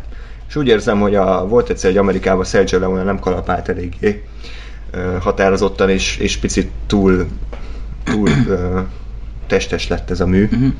Uh, Tehát baj van a kövérekkel, értem. igen, fat shaving zajlik éppen. De összességében örülök, hogy megnéztem, szerintem minden idők egyik legjobb szinkronja van egyébként ennek a filmnek, gondolom nem Lóri, te is szinkron. Igen. Csak ugye van egy régi szinkron, meg egy új szinkron, a régi az jobb. Tehát én már ezért is élveztem, meg mondom, tehát ez pontosan az a film, ami, ami szerintem elsőre látszik. Négy órás, gangsterek hoz, Robert De Niro, James Woods, kalapok, igen, egyébként... Leszámolás, Joe Pesci. Én, autók, autók. Én, én a James Woodsot szerintem most láttam először a sárka törvényszéki cápa óta, vagy mi a sorozat. és én nem, hasonló mélységű. És én, és én nem láttam őt máshol színészkedni, csak ebben a kettőben, úgyhogy így... Ő volt a Hades hangja a Herkules című sorozatban. Vagy film, rajzfilm sorozatban. Amit én magyarul néztem. Igen. Furka János, eredeti hangja James Woods. Igen. Úgyhogy így vicces volt látni, főleg úgy, hogy én a Family Guy-ba többet láttam James Woods-ot. az az igazi James Woods Igen. volt, az nem volt animálva. Ah, finom cuki, ah, finom cuki, ah, finom cuki, meg azért, amikor megcsinálta a vacsorát a Peternek, és így ránéz, hogy elkéstél, kihűlt az étel. Akkor én arra szavazok. Úristen. Na jó, nektek hogy tetszett a Volt egyszer egy Amerika? Ákos? Nekem Hát, e, e, e, ezt én most láttam először egyébként, érdekes módon. Nekem mindig itt volt a DVD polcomon, és sosem néztem meg, de végre eljött az alkalom, és köszönöm annak, aki... Ja, Totó küldte át a Totó. Totónak nagyon szépen köszönöm, hogy beküldte ezt a filmet. Hát ez egy magával ragadó alkotás, és szerintem ezt mind, mindannyian elmondhatjuk róla, hogy, hogy egy elég fontos filmtörténeti mérföldkörről beszélhetünk, így önmagában is, de így, hogy a gangster filmek között végképp a keresztapa mellé lehetne tenni. Lehet, hogy fölé is.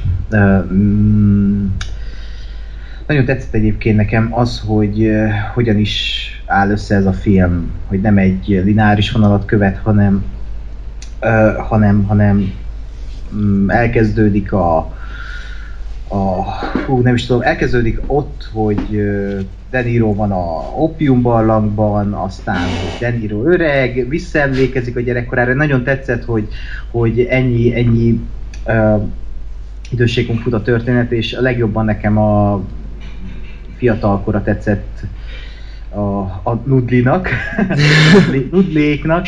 Uh, nagy, nagyon magával ragadó, ahogy, ahogy egy ilyen bűnös, kegyetlen világban ott látjuk ezeket a, gyerekeket, akik már akkor is sefteltek, ebből értek meg, de mégis megvolt az ártatlanság, ugye Nudli mindig leselkedett a, a nem, nem teszem be a karakter neve, a női főszereplő után, és hát mégis ez adja az egész filmnek a, mi a lényegét, hogy, hogy, hogy ez egy, végülis egy szerelmi történet, ez egy felnővés történet, és nekem az jött le ebből az egész filmből, hogy de Niro végül is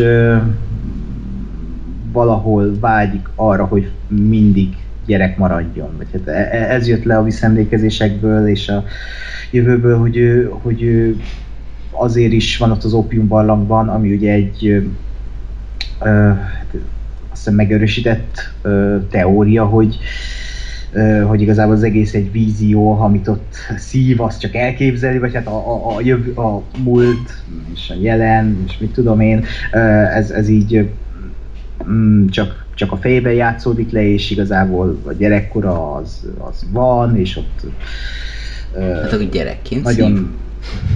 Visszavágyik a gyerekkorába, és ezért szívja a dekket.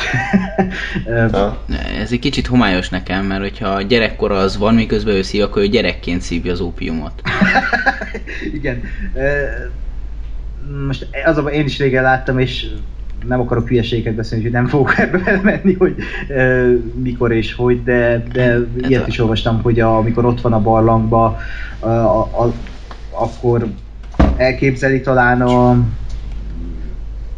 a jövőt, a, amikor ugye James woods ott a végén Mhm. Igen, tehát hogy ez nem igen, biztos, mert hogy valóban ott is azt hiszem fiatal még a csaj, már, már mint ahhoz képest, hogy Deniro ilyen nagyon öreg, a csaj meg fiatal maradt, és hogy gyerekkorában mindig azt látja, hogy gyerekkorában, hogy ilyen fiatal, szép, Hmm. szép nő az élete szerelme, Hm. és ezért is mm, sokan, sokan ezt megerősítették ezt a teóriát.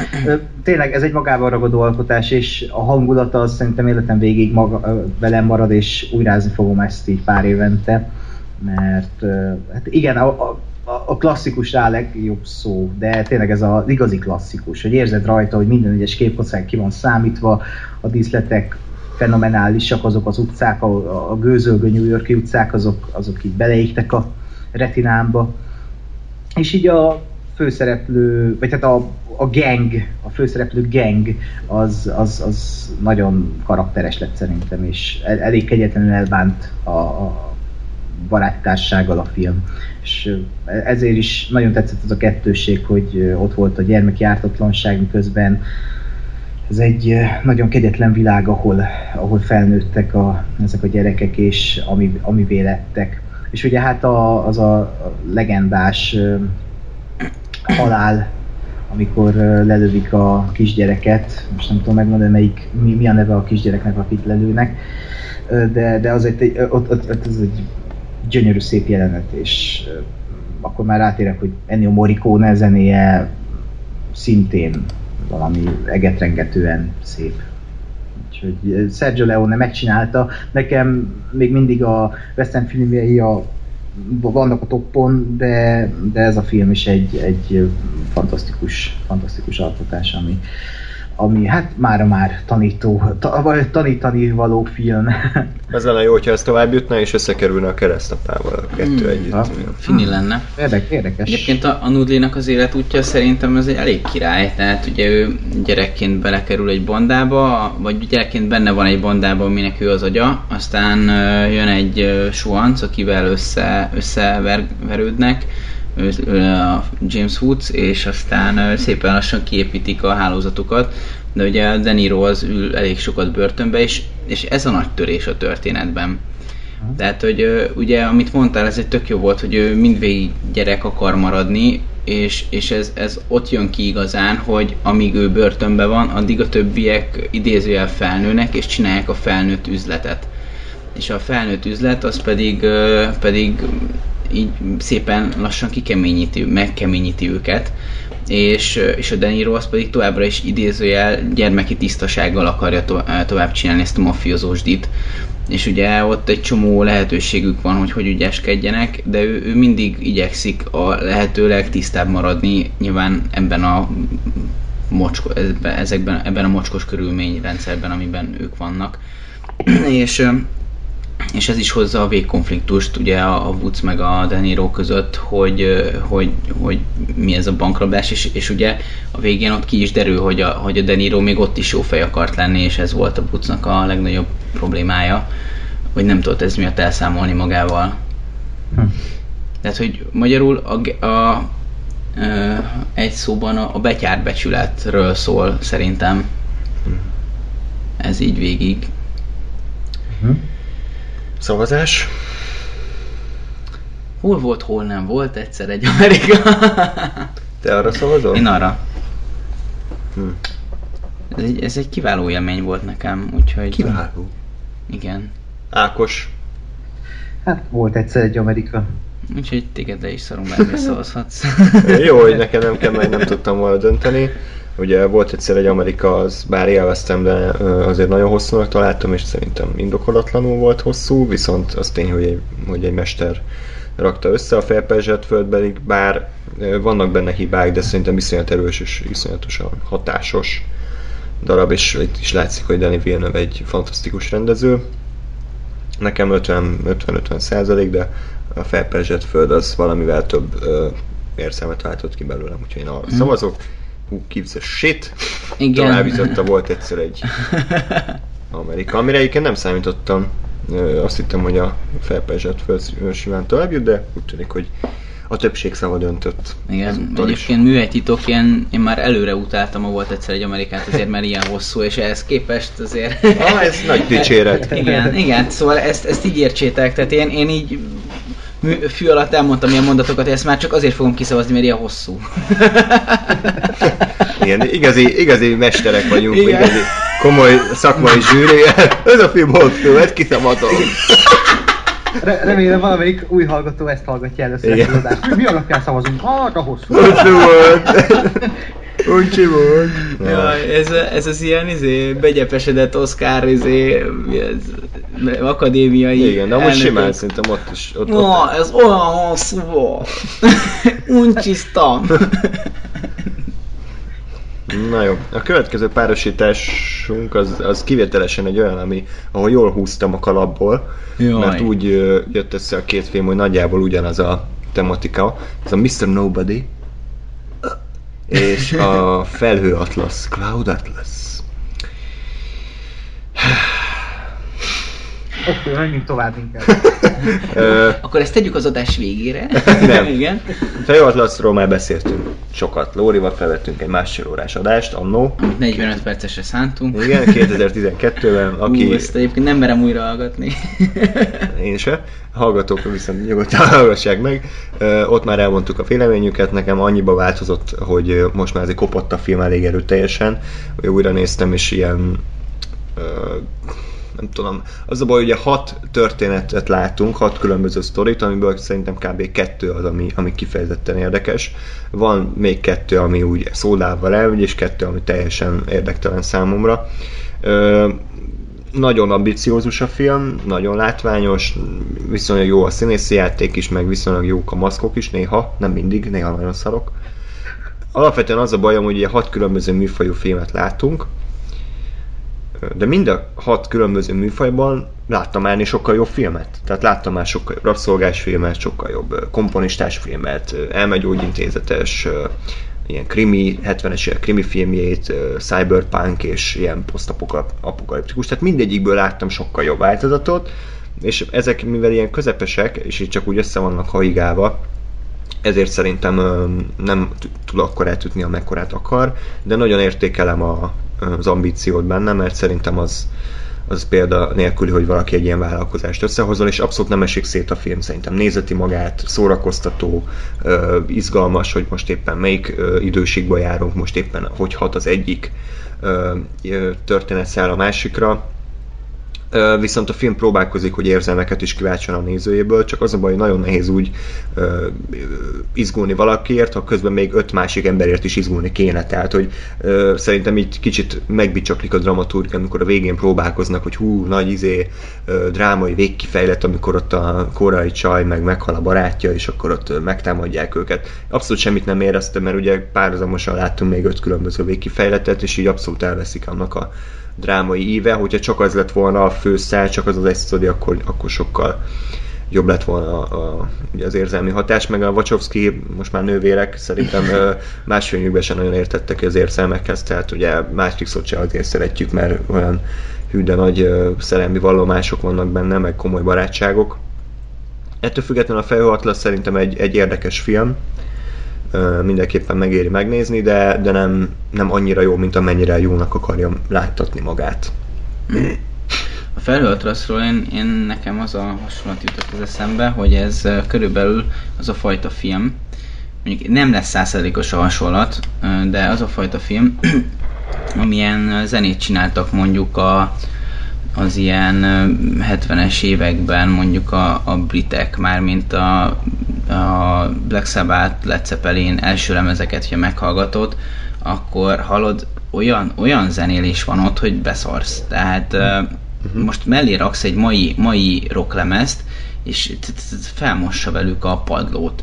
Egyszerűen olyan szintű kreativitás van ezekben a lemezekben, és olyan szinten hoznak újat a zenélésbe azáltal, hogy kísérleteznek, és olyan dolgokat hoznak be, amik, és, és tehát olyan dolgokat hoznak be, amik előtte nem voltak, és mernek, mernek minden módon ö, újítgatni folyamatosan, ami egyébként abszolút jellemző erre a, a filmre, hogy tehát előtte hat történetet nem nagyon próbáltak meg szerintem párhuzamosan egymásba vágni. Nyilván nem sikerült olyan jól, mint ahogy volt, vannak olyan dalok ezekben az időszakokban is, amik nem sikerültek olyan jól. De ez a kísérletezésnek a, az eredménye, hogy lesz olyan, ami nem sikerült tökéletesen.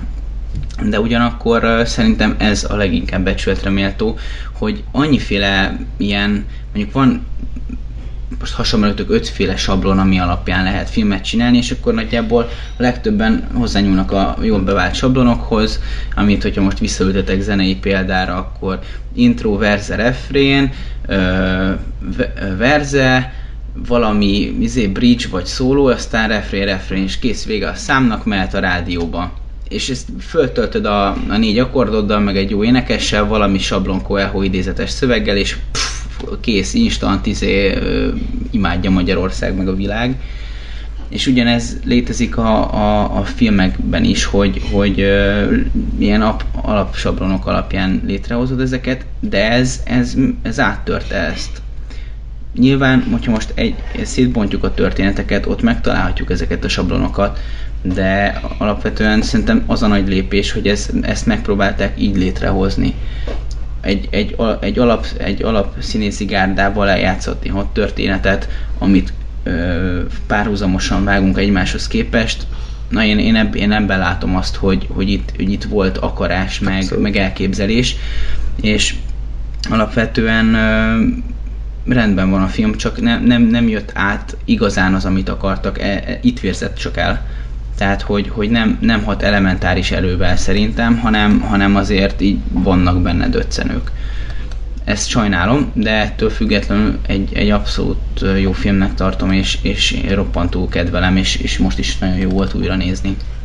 Ugye ez is regény adaptáció, a regényt nem olvastuk, de elvileg ott azért nem párhuzamosan, tehát nem az, hogy bekezdésenként vagy soronként más időségben játszanak, és tudod, két, két különböző betűtípusokkal, Times New Roman, meg Comic Igen. Sans, meg kék, meg sárga betű. Mert ez betűtípusok ég. ja, igen, igen. Ja, ö, jó. Ö, Ákos. Ezt a filmet most láttam másodszor a mozi óta, az meg 5 éve volt, és akkor én nagyon vártam ezt a filmet, és ö, hát csalódás volt, mert Ja. teljesen más filmet kaptam, mert érzelmileg annyira nem tudott megérinteni, viszont a, a, a gondolat, gondolatvilága, amiről szól, az, az, az, az egy hát elég komplex és ambíciózus módon van közölve velünk. Ez tetszett. Ö, aztán most újra néztem a napokban, és ö, a, ugyanazt gondolom egyébként, ami érdekes. Kicsit, mintha jobban összeállt volna a film, de érzelmileg kevésbé tudott megérinteni. Hmm. Én is azt tudom mondani, hogy van pár szál, ami, ami, ami nagyon erős, és ott éreztem, hogy bizsergeti a hátam, de, de úgy önmagában, egészében nézve valami hiányzik ebből a filmből, vagy lehet, hogy pont túl sokat akartak, és túl hatásvadász lett maga, maga a film, nem tudom, de, de maga tényleg, még mindig azt mondom, hogy a gondolatvilága és a, a, a, a maga a történet, ahogy összeáll az egész, és az összes szál egymásra hat, az, az bravúros. Annyi az egész tényleg, hogy annyira nem, nem tudott megérinteni a legtöbb szál, és kicsit tényleg már a vé- végén már sok volt. Igen, hosszú, ez is több 106, 170 perces, tehát kifárad az ember ebbe a sok eseménybe. Meg ha Lóri problémáztál az örület határán, hogy kimondják a film tanulságát, hát itt százszor ugyanez van. Tehát Ja. amikor a Harry Berry mondja, hm, mintha az életünk összekapcsolódna, és minden egyes dolgunk, tehát hogy ilyen tessék, ezt itt az még elmondják. Igen, Jó, igen. csak azért hozzáteszem, hogy ebben a filmben azért nem annyira problémás, mert a film esik szét, és legalább a, a belső monológ tartja össze. Értem. Tehát itt szabad, mert itt már szarabb, szarabbból indítanak, Hát ugye? igen, igen. Értem. Tehát itt, itt, itt legalább vala- valahogy segít a film mentő. összekötni magát, igen. De... Jó. Nem, azért jó film a Felhő Atlasz, csak Igen. a trailer jobb volt, volt egy ilyen 6 perces Igen, trailer. igen, igen, azt mondom, hogy az, az olyan elvárásokat ültetett belé vannak idei, hogy úgy mentem moziba, hogy a, ilyen epikus, ilyen nem tudom, hidegrázós filmet látok, és igazából csak néhol volt meg ez az érzés, amikor bejött a bejött a főtéma, az a gyönyörű főtéma, ami szerintem a film egyik legnagyobb pozitívuma, a, A zene. Sextet? Sextet, a Cloud Atlas Sextet. Ö, az, az, szerintem azt nagyon oda tették a, a, a rendező bácsiék. Aha. Tom- Vagy Tom néniék. Volt már ugye Tom Tükver filmünk ebben a Igen. Pár film? úgyhogy... Ja, és abban is Ben Why Show, V Show volt a főszereplő, itt is szerintem az övé volt az egyik legjobb szál. És nem tudom, szerintem ilyen, nem, nem mondom, hogy rossz film, ez egy korrekt film, nézeti magát az a jó, hogy nem mondod el, a végén már érzed, hogy kicsit már sok lesz, és már le kellett volna zárni, nem tudom, 20 perc előtt, de tényleg ez egy ez egy olyan film, ami- szerintem nincs, nincs még egy. Hogy például Hugo Weaving nőként, meg fehér színészeket ázsiainak beállítani, hát ez botrá- botrányos smink egyébként. Igen, egyébként. Most látjuk, hogy miért nem próbálták mások eddig ezt megcsinálni, vagy miért nagyon ritkán, mert nem sikerült túl jól. Hát igen, vulkániak lettek egyébként ezzel a sminkkel. Ja. Hát még fél óránk van, úgyhogy picit húzunk bele, hogy Ákos neked menned kell. Másik film, a Mr. Nobody, ö, amit hát előzetesen erre meg Ákos készített fel engem úgy, hogy ez a film, ez, erre sok, sok jóra ne számítsak. Ö, Egyrészt azért, mert én Jared Leto-t utálom, tehát hogy egy hi- hihetetlenül irritál ez az ember, mint valóságban, mint filmvásznon. Ráadásul nekem tököm tele van az ilyen álművészieskedő, nagyon művész vagyok, de igazából semmi értelme nincs annak, amit csinálok filmeknek. Meg a Facebook, amikor kirakja a 20 éves ribanc, hogy jaj, a szerelem mindent legyőz, és ilyen fekete, át, fekete-fehér háttérbe. Tehát ez, Hintázik egy lány. Hintázik, és, és attól tartottam, hogy ez a Mr. Nobody is ilyen lesz, és sajnos nagy részt egyébként ilyen lett. Nem volt kinkeservesen szar. és ez a legpozitívabb, amit el tudok róla mondani. Nem, tényleg nem akarom megbántani azt, akit beküldte. Abszolút megértem, hogy valakinek miért tetszik ez a film, és én sem akarom a föld, földbe gyalázni. Ez egy, ez egy tipikusan ilyen, nagyon megmondom az élet értelmét, nagyon okosnak akarok látszani, csak az a baj, hogy annyi, annyi bullshit van benne, meg annyira szét, tehát nincs, nincs egy dramaturgiája a filmnek, hanem össze-vissza dobálnak jeleneteket egymás mellé, amik, amik alig kötődnek egymáshoz, nincs egy íve a sztorinak, hanem két és fél órán keresztül azt kell nézni, hogy különböző jelenetek Jared Leto életéből egyik így, másik úgy, ami tök jó ötlet, ami működne mondjuk egy rövid filmben, egy mondjuk egy 20-30 perces rövid filmben, vagy akár egy videóklipben, de két és fél órán keresztül én ezt nem bírtam ki, szüneteket kellett tartanom, mert annyira idegesített, hogy semmi nem, nem, tehát, hogy nem tudtam meg többet, nem, a film nem mondott semmi újat. Az első öt percében elmondta, hogy miről fog szólni, és ugyanazt láttuk aztán még két és fél órán keresztül, és és ezért nem erre fogok szavazni. Ezt most elmondom, még egyszer, tehát nem akarom ö, nagyon lehúzni a sárga földig, nekem abszolút nem tetszett a Mr. Nobody. Ez van, bocsi, ilyen vagyok. Így fogadj el, Igen, és igen. akkor ugyanaz a viszonyt adtunk. nem akkor, tudod, hogy mit éltem át. De még nem jártál az én cipőmben. Na, mondjátok akkor. Gyerünk Ákos, savazz, Nem, akar, nem akarok rage De gyerünk, gyerünk, essünk túl rajta. Release the Kraken. Ö, az a baj ennek a filmnek, hogy tényleg azt látom benne, amit, amit mostában sok ember csinál, hogy megmondják a tutit. Közben Azt András azt- már egy büdös nagy troll és írja tovább a győztest. De mondja nyugodtan. Már borítékoltam. Hát, tehát egy ilyen tipikus megmondó film, ami azt hiszi, hogy feltalálja a spanyol viaszt, de egyébként nem. Indokolatlan, ilyen művészies jelenetek, amik jók is lehetnének, ha lenne mögöttük valami tartalom, vagy érteném, hogy ezt mit, mit, akart ezzel a rendező, mert én csak azt látom, hogy ilyen álintellektuál üző, "Ö, mi a szerelem, mi a félelem. Így belemondja a szemünkbe Jared Leto, felemelkedik a padló, pad, padról csak úgy, homelessként, és vannak, tök jó a gondolat egyébként, hogy egy ö, dön, döntés, látunk egy gyereknek a döntését, hogy mi lenne, ha Mhm. az, vagy ez történne. Igen. Ez egy, ez egy tök jó gondolat, hogy ezt így kibontják, és tök jó lenne a film formája, de nem, nem, nem, nem, egyszerűen nincs mögötte semmi, és maga a forgatókönyv is szerintem elég bukta, meg a rendezés ilyen kis halovány ilyen. Tényleg minden egyes jelenetén azt érzem, hogy megmondom a tutit, megmondom, és akkor sok embernek megmondta a tutit, mert sok embernél ez hatott, és értem, megértem, és tényleg nekem ezzel nincs bajom, de nekem e, rám ez, ez nem hatott. Még azt mondom, én inkább azt mondom, hogy Jared Leto volt ebben a filmben a legjobb dolog. Az már rég rossz. Valahogy nekem ez, ez, ez nem jött át, és mm, Diana Kruger egyébként barna haja sokkal szebben ezt megmondani. Igen, ez egy mély, mély gondolat Igen. ismét a filmről. Abszolút Igen. egyetértek. Olyan ez a film, mint egy ilyen idegesítő kutya, ami így ugrál össze-vissza a pofádba, így ugye, törődj velem, szeres, szeres, ugye milyen ugye, aranyos vagyok, ugye, és így már békén kicsit nyugodjunk le, álljunk meg, egyél valamit, de nem, ez csak ugrál és össze-vissza nyal. Tehát ez a film agyon nyalt. Ez volt a Igen, baj. igen, igen. De mit? Tudod mi? Olyan, mintha most beírnánk, hogy citatom.hu, és akkor idézeteket, idézeteket olvasunk az interneten, olyan volt ez a film, hogy így most... Ja, meg nem, meg nem voltak jelenetek, hanem ilyen össze-vissza vágtak, meg minden jelentben volt 60 vizuális effektus, meg kamera láb között, meg hónajszőr alatt ment át, meg mindenhol Várjál, csak... akkor most a Cloud Atlasről Nem, beszélünk? de a Cloud Atlas, nem, pont, hogy a Cloud Atlas szerintem abszolút nem volt vizuálisan túlnyomva. Tehát az, az egy, sőt, kifejezetten unalmasan nézett ki. Igen, és ott több szálat mozgattak, és mégis összeállt egy egészé. Hm. E- e- ez nem. Ez, ez tényleg olyan volt, mintha így... "Öm, Ide mit vágjunk be? Jó, hát akkor hülyék vagytok, hogy nem értitek a filmet.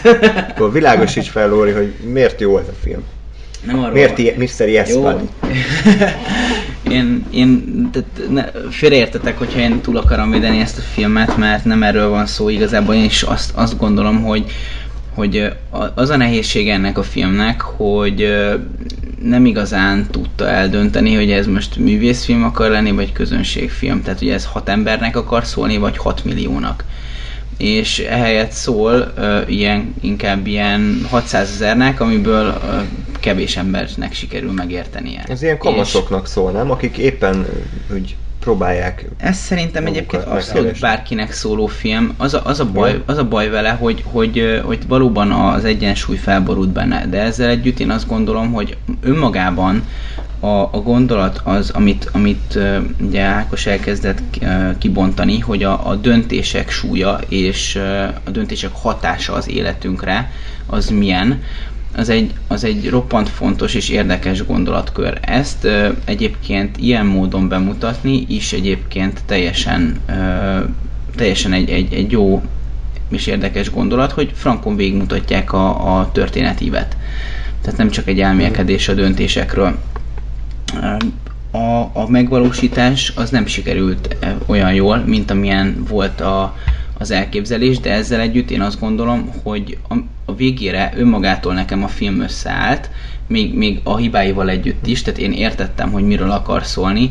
Voltak jelenetei, amik nekem nagyon tetszettek, például főleg azok a jelenetek voltak a hozzám legközelebb állók, ahol a, a Jared Leto meg a, a, meg a csaj összejönnek. Hm.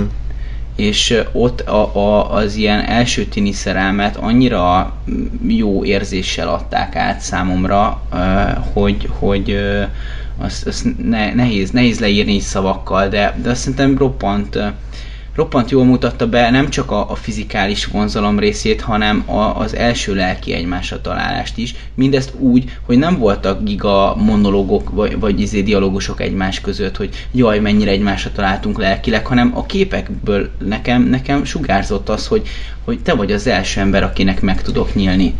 És és azért az, azok, azok voltak olyan jelenetek, hogy, hogy, hogy, hogy, hogy ben, ben, bennem ragadtak, és, és ez, ez abszolút tetszett. És, és azt gondolom, hogy, hogy, hogy összességében az, hogy, hogy a, a megvalósítás elcsúszott, az, az oké, okay. és szerintem ugyanígy elcsúszott a, a Cloud Atlas-nél is. Én nekem pont ez miatt, hogy, hogy ebben a filmben voltak átérezhetőbb jelenetek és, és, és hozzám közelebb álló pillanatok, nekem ez dönti e felé a film felé a, a mérleget. Beírtalak magányos elbetűt, a Mr. Nobody mellé. Igen, Forever Alone. még, még annyit egyébként, hogy ebben a filmben annyira közhelyes választások Jaj, úristen, tényleg, bazd meg! Bazd meg, ez... Bevágtam, persze, itt De még jó, hogy mondtad, tehát annyira szar, tehát ennek a filmnek volt pofája, volt klasszikus ö, betétdalokat átvenni, de nem, nem lehet. Tehát a, a Where is my mind, a Pixies, vagy mi a szartól, az a harcosok klubjához tartozik, és a Mr. Dobáninak nem, nincs képeszt, vagy van képeszt lenyúlni. Nem, nem. Meg a, igen, ez a... határámból is nyúlt. Őrület határámból is nyúlt azt a kórus, meg akkor a Mr. Szemben, nem, az a visszajövőbe, tehát hogy Szerintem több volt a költségvetés csak a zenékre, mint az egész magyar éves költségvetés az összes filmre. Tehát annyi, annyi pénzt költöttek, és tényleg pontosan olyan volt, mint a filmje, túl közhelyes, túl nyomó, túl nyomakodó ilyen, ugye, ismered ezeket a slágeleket a kedvenc címeidből, akkor itt is hallhatod őket újra. És többször is ugyanazt a számot meghallgathattuk túl sok volt a fűszer ebbe a filmbe. Ez volt a baj. Van, mint egy kaja, és így, és így nem mindegy, hogy egy-két fűszert teszel bele, éppen csak ízesíted, vagy fogod az összes otthon lévő fűszert, és az összeset belehajigálod. Tehát túl, túl sok egyszerűen. Ja. Hát igen. Én, én csak öreg, öreg koromra szeretnék úgy rögni, mint Mr. Nobody. Ja, igen. Úristen, az a, az a nevetés, az, ú, ez kikészítő volt. Jared Leto az... Na jó, lépjünk tovább, még jó. két párosításunk van és 20 percünk, vagy Ákos lelép, vagy késik. Igen, ez a fenyegetés. A mechanikus narancs, ugye Stanley Kubricknak a azt hiszem harmadik film, amiről beszélünk, ugye volt a 2001 űrödösszeje és a Doctor Strange Love, uh-huh, és ez a harmadik, és Kubrickot szeretik utolsó. a hallgatók. Így van, egyébként ez is egy klasszikus alkotás, ez is regényadaptáció, és az ellenfele pedig a jó, a rossz és a csúf, ismét Sergio Leone filmje. Nagyon röviden, a jó, a rossz és a csúf szerintem a western tehát, hogy nekem az az alap western. Szerintem annál jobb nem készül. Várjál, azt mondd, hogy hány filmet láttál eddig? Egyet? nem, láttam a, láttam a Dollár trilógiát, ugye láttam amerikai westerneket, láttam a Volt egyszer egy vagy nyugatot, meg ugye újabb westernek közül is. Mondjuk nyilván jobban szerettem mondjuk a Jesse James meggyilkolása, de ez nem egy ilyen klasszikus western, hanem ez inkább ilyen mellikas, ilyen filozofálgatós dolog. Szerintem a jó rész, rossz és a csúf az egy ilyen alapmű, ami, amit most láthattam úgy teljes egészében, korábban is láttam belőle jeleneteket. Tök jó karakterek vannak benne, egyedül bajom az, hogy, hogy hosszú. Ez is nagyon hosszadalmas, és még a, volt egyszer, hogy Amerikában azért sokkal több tartalom volt kinyújtva. Úgy érzem, hogy a jó, a rossz és a csúf igazából alig szól valamiről, simán lehetett volna ezt mesélni mondjuk két órába, helyett három órás a film, és ez az, ami nekem picit úgy lerontotta az összképet. Egy, egy az egybe ugyanez. Hát ez indokolatlanul hosszú volt ez a film, és ezért nem tetszett igazából. Én, én láttam korábban ez a dollár trilógiát, de valahogy gyermekként kicsit szórakoztató volt, vagy nem hmm. tudom, vagy apámmal nézni szórakoztató volt, vagy nem hát. tudom, de, de így, így ültem, és így néznek, meg mennek, meg csöndbe vannak, meg fú, nem tudom. A, a végére ott a temető jelenetnél a, az Ecstasy of Goldra ott beindul a történet, de az az utolsó 20 perc, tehát addig kinkeselvesen el kell kúszni, még egy lépést a végéig, és aztán utána ellovagolnak. És az volt a legjobb, hogy a film a DVD tekercsen, az eredeti DVD-n. Igen, tehát így a, föl, fölakasztják a, izé, fölakasztja a, a csávót, a, a, mi ez a, Szexi? ki? Ki, ki akaszt fel kit? Hát a, a, csú, a rosszat akasztja fel, vagy a, csúfo, a csúfot akasztja Csúfot. fel. Igen, Igen. a csúfot akasztja fel a, a jó. Jó. és amikor ellovagol, ott izé, nincs, megszűnt a zene, és nem, nem volt semmi, és csöndbe ott lovagol, az meg ott a hegyen. Vagy kínos lehet. És én így nézem, hogy igen, mi a szar? Jó, hogy nem, már bejött a Mr. Sandman. Igen, és akkor, és akkor jött a stáblista, az is kúsba mondtam, hát ez a legjobb filmzárás, amit eddig valaha láttam. Mr. Nobodyból be kellett volna rakni még egy-két betétdalt oda. Ja, és, a, és amikor lement az utolsó ilyen betűs, akkor Ja, igen. Mr. Nobody meghekkelte a. DVD-t.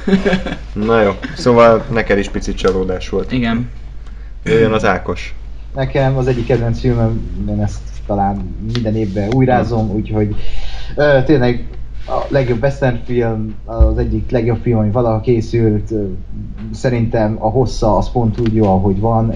Ez ad neki egy ilyen nagyívű ö, történetmesélést, egy ilyen eposzi nagyságot.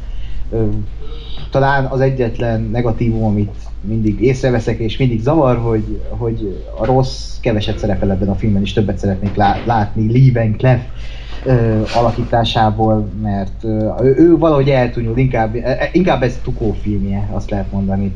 De, de ő meg egy nagyszerű karakter, úgyhogy ezzel sincs gond. Én imádom ezt a filmet. Ennio Morricone zenéje frenetikus, ez Leone legjobb filmje szerintem, úgyhogy én ezt imádom. Mánikus Narancs pedig... Uh, tudom, hogy Lóri neked annyira tá- hm, nem ütött. Hát a Mánikus Narancs az a baj, hogy papíron leírva sokkal jobb, mint látva. Most akkor én ellent mondok kivételesen, most én Na. védem a filmet, és te fogod majd a sárga földbe döngölni. Szerintem egy, ö, egy, egy nagyon durva és nagyon bizarr alkotás, ami, ami nagyon jól megtalálta a Kubricknak a rendezői stílusát, mert a film maga is, az eredeti regény is teljesen elborult, hogy egy jövőbe játszódik, ahol ilyen fehér ruhába és kalapba, meg sétabottal járkáló fiatalok erőszakoskodnak mindenfelé. Engem, engem kicsit az amerikai pszichóra is emlékeztetett, és az egész egy teljesen elborult és kifordított társadalmat mutat be, viszont ez nincs is olyan messze a mi valóságunktól, tehát gyakorlatilag egy ilyen szatirikus képet mutat szerintem a, az akkori meg a mai világról is, és engem, engem nagyon, nagyon lebilincselt. Picit hosszú ez is persze, a Kubricknak a ráérő stílusa ezt is beárnyékolja, de szerintem, szerintem abszolút a zene használat zseniális, a színészi játék zseniális, operatőri munka, meg hát vannak azért elég sokkoló és erőszakos jelentek, amik főleg akkoriban azért be is tiltották, azt hiszem, Angliában, tehát nem engedték levetíteni, és ezt megértem. Mert... Mi, mi volt annyira erőszakos? Mert én most hirtelen az ugrik be, hogy amikor van egy ilyen nagy ö, ilyen táncterem, ahol a kék Duna keringőre verekednek, tehát... Ne, hát inkább a meg, megerőszakolós rész, tehát a nemi erőszak volt. De ott azt nem mutatják, csak annyi, hogy amikor a, a ruhát levágják róla, és aztán vágás van. Hát jó, de a, tehát régen alacsonyabban volt az inger küszöb. Tehát, hogy nem, ezt nem a mai szemmel kell nézni, amikor trónok harcában részenként izé, répelnek mindenkit, hanem Hát várjál, annól azért nem és ez volt. mi, mikori film? 70 Aha, valamennyi. ja, értem. Meg rá, rá, ráadásul annak idején menőnek találták Alex bandáját, és utánozták őket, és ez azért valami, val- sokat elmond a társadalomról. És elvileg ezért Kubrick be is tiltotta talán a forgalmazást, mert felfoghatatlan egyébként, hogy ott van egy ilyen anarchista banda, aki, aki így a káoszt képviseli a világban, és tényleg csak rombolni akarnak, és ezt valaki menőnek találja. Mert tényleg úgy van beállítva a film, hogy kicsit ilyen szat, tényleg ez a szatirikus, és meg kell érteni, vagy érezni kell azt, hogy, hogy, hogy, hogy ez, ez, ez, ez, nem menő, hanem, hanem azért ez, ez, ez elég durva dolog, meg az a banda az elég ö, ö, földön túli kegyetlenséget képvisel. Nekem az a baj, hogy- ami- Igen? Várj. Ja. ezt, ezt, ezt, ezt azt a te. nem is akarom tudni. Arra, arra tovább. Igen. Na, kapjuk majd megint a kommenteket. Szóval mi, Tehát, mit szólsz erre, Lóri? Én, de én, én azt mondom, hogy nekem nem, jó, de ezt én nem tudom 70-es évekbeli szemmel nézni, és nehéz visszagondolni magam a 70-es évekbe, de szerintem egy abszolút nem volt agresszív, tehát látom, hogy meg se ütik ig- igazán egymást, tehát komolyan a, a, volt egyszer egy Amerika megerőszakolós jelenet, milliószor durvább, mint itt bármelyik jelenet, amit Ez későbbi láttam. film. Igen. Jól tudom, de Ért, én, ezt ér- elfogadom. de én értem, de hogy én, én nekem ez, ez egy, egy ilyen ö, egy ilyen vicces színdarabnak tűnt inkább ilyen szempontból, érted? Tehát, hogy, volt. tehát, hogy nem, ezt nem úgy értettem, hogy egy, egy, egy, hogy egy elcseszett koncepció, hanem csak érted, hogy nem vettem komolyan, hogy ők megütik egymást, érted? Tehát nem, nem, nem volt annyira húsba vágó a, a, a, a képalkotása a filmnek szerintem, mint amennyire, mint amennyire, hogyha leírod a filmet, a, a, azt mögé képzelem. Érted? Úgyhogy ö, Mi a szavazat? Ja, hát én nekem a mechanikus narancs egyébként Igen? mindezzel együtt. Azt hittem engem írtál be oda. Nem, hát én nekem sajnos a, a jó, a rossz és a csúf az, az roppant unalmas volt. Igazából nem nagyon szólt semmiről, úgyhogy egyértelmű, hogy, hogy egy olyan filmet fogok akar, szeretni a továbbiakban is látni, ami, ami, ami azért szól valamiről. Tehát, hogyha ha András egyébként tök jól összefoglalta egy közös metrózás alkalmával a, a, a filmnek a lényegét, hogy, hogy a, a, fiatal korok, a fiatal felnőtteknek a, az ilyen útkereséséről szól, akik egyszerűen nem tudják, hogy mihez kezdjenek magukkal, és ezáltal ö, ilyen futuriszti, ezt én teszem hozzá, futurisztikus teivókban ö, halálra beteljezve ö, ö, a- egyszerűen az erőszakhoz folyamodnak, mert az az egyetlen inger, ami é- érheti őket, és ami, ami, ami bármit adhat nekik, mint, mint élvezet, vagy, Igen, vagy, hatalmat vagy, éreznek. vagy erény, vagy, Igen. vagy, vagy, vagy, vagy cél. Igen. Tehát e- ez, ez adhat nekik bármit is, és, és az ellentetje az, hogy, hogyha ezt mondjuk idézél államilag megpróbáljuk befolyásolni, az hogyan hathat az emberre. Tehát ez egyébként ez egy önmagában egy roppant érdekes kérdéskör, és ez, ez így leírva, vagy elmondva olyan, hogy ezt bármikor megvenném és megnézném, és, és gyerünk ide vele, és megnéztem, és ehhez képest nekem azért a megvalósítás nem volt annyira erős, mint amennyire erős ez így elmondva számomra. Ja, ö, én, én erre is azt tudom mondani, hogy ez egy nagyon jó film, és mm, ez egy klasszikus. Ez is egy nagyon klasszikus ami befolyásolja még ma is a popkultúrát, és ott van a popkultúrában, ott van a filmművészetben, ö, Stanley Kubrick zseni, a diszletek jók, a, a nyelvezet egyébként, az, az imádom a nyelvezetét a filmnek.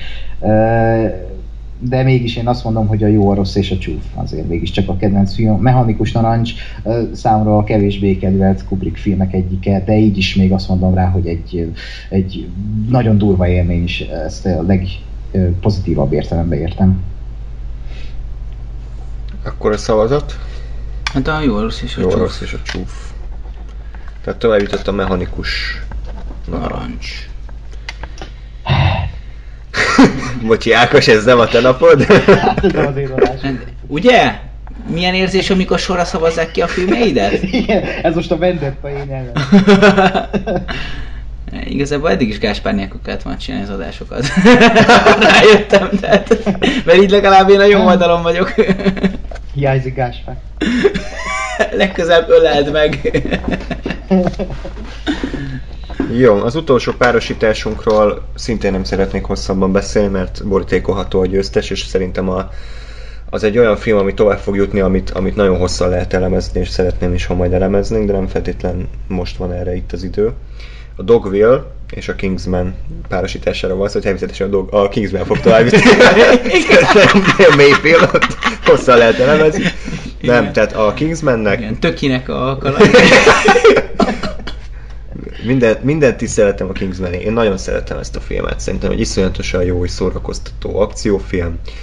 Nagyon elegánsan idézi meg a Roger Moore féle James Bond vonalat, szerintem inkább arra utal nem a Sean Connery fél, meg nem a Pierce Brosnan fél, hanem inkább ez a Roger Moore-os elegáns vagyok, nőcsábász vagyok, de közben van ön, öniróniám, tehát nem ez a karótnyát Daniel craig stílus. Zseniális akciójátek vannak benne, nagyon bevállalós a film, nagyon véres, zseniális soundtrack, tehát olyan, mintha nekünk rakták volna össze a soundtracket, nem? Tehát olyan zenékkel van tele. Ahogy indul, azt hiszem, milyen Dire Straits. Uh, igen, a Money for Nothing. Igen, igen, meg van benne ugye, ö, melyik az a száma, amikor a templomban kinyír mindenki. Az a Linear Skinner, Linear de Skinner, a, a Freebird. Freebird. Tehát ez a minden idők egyik legjobb ö, vágatlan jelenete, de aki- a Dogville azért az egy sokkal fajsúlyosabb, sokkal mélyebb, sokkal drámaibb, cinikusabb, olyan Lars von Trieresen őrült film. Itt abszolút nem zavart a film hossza, igazából olyan volt, mint egy színdarab, ugye itt is az amerikai kultúráról szól, az emberi kultúráról, az idegentől való félelemről szól, a befogadásról, erőszakosságról, rengeteg mindenről szól. Szerintem, ha ez mondjuk könyvben lenne, akkor ez az egyik legnagyobb amerikai mm, ugye ilyen irodalmi klasszikus is lehetne akár, tehát ez is tipikusan olyasmi, ami mondjuk egy klasszikus ilyen ö, alap irodalmi mű, de filmben is szerintem abszolút működik, úgyhogy én a Kingsman...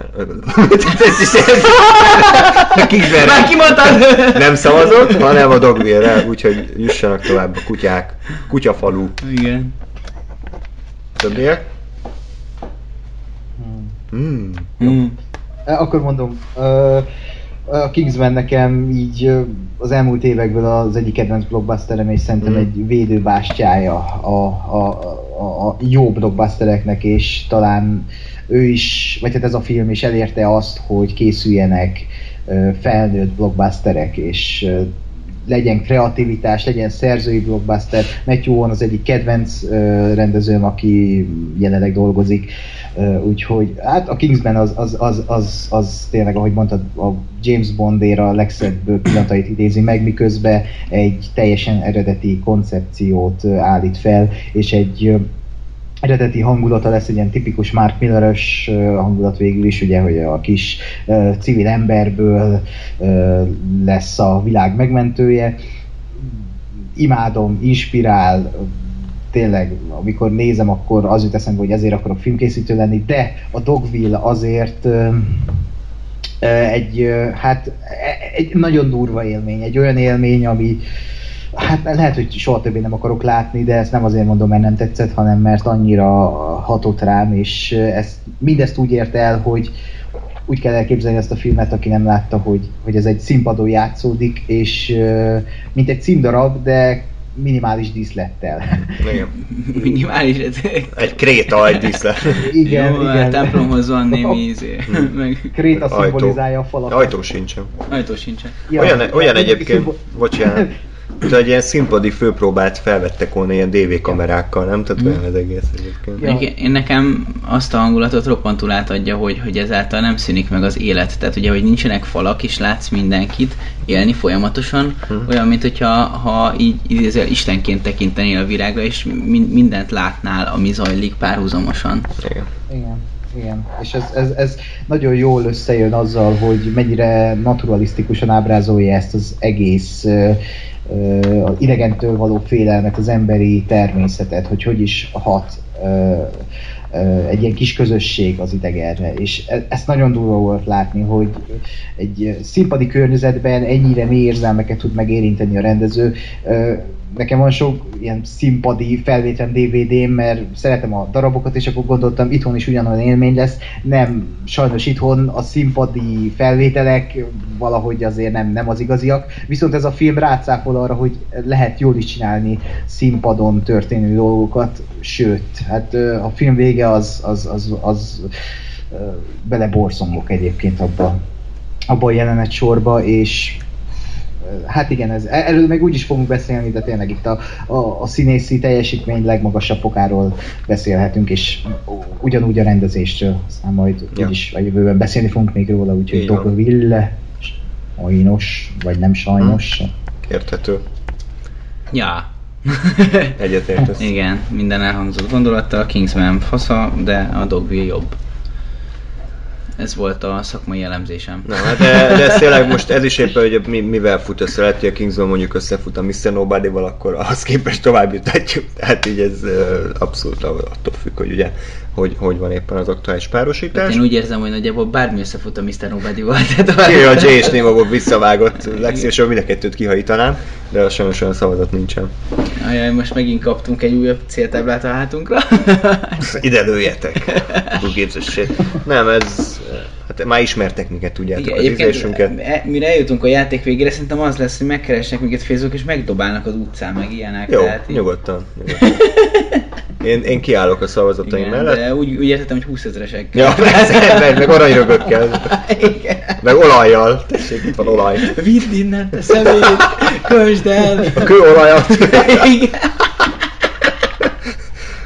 Na, szóval, tehát ami tovább jutott az őrület határán, az őslakó, volt egyszer egy Amerika, felhőatlasz, mechanikus narancs és dogville, amiből pedig szavazhattok, tehát a kiesett filmek a szárnyas fejvadász, az utolsó mohikán, a felperzselt föld, Mr. Nobody, a jó, a rossz és a csúf és a Kingsman. Ezek közül. De a Mr. Nobody-ra nem annyira kell szavazni. Hát beszarok. Igen. Aki arra szavaz, az, az felet ér, csak.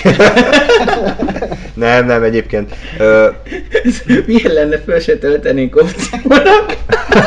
ja, igen, ez, ez külön, a, külön indul. Úgyis utolsó lesz, hogy egyedül indul.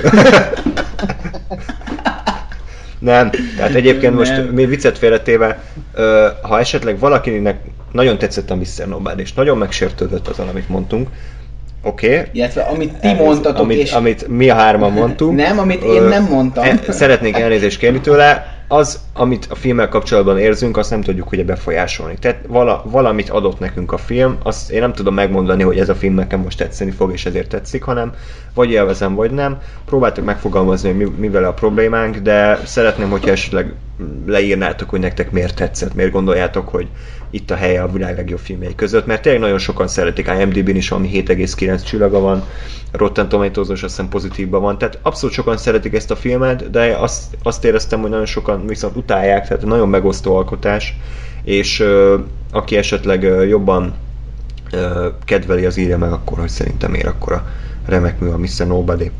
Ja, ja, úgyhogy ne haragudjon, aki beküldte, de tényleg az Ja. a ezzel nem lehet mit tenni, hogy kinek hogy tetszik. Én, engem is tényleg nagyon érdekel, hogy például aki beküldte, hogy írja le. Mhm. Mi, neki miért, miért ez a világ legjobb filmje, mert eh, megértem én is, hogy, hogy most ez, ez valakinek a top filmje, úgyhogy ja. szíves.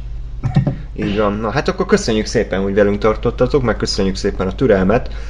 Végre ez a nap is elérkezett, hogy akkor az utolsó selejtezőt rögzíthettük. Annyit megígérhetek, hogy nem kell ennyit várni a következő adásra, mostantól begyorsulnak majd az események. Ugye egyrészt azért, mert talán már mi is jobban ráérünk, meg a vendégek is, másrészt pedig ugye az összes filmet már láttuk, tehát már nem kell mondjuk 16 vagy akár ugye ö, 12 filmet megnézni, ö, aminek a nagy része két és fél órás, hanem most már ugye az aktuális élményeinkből tudunk majd építkezni. Ö, Úgyhogy akkor hamarosan jelentkezünk, ö, addig is minden jót kívánok nektek, sziasztok! Hello. Perem.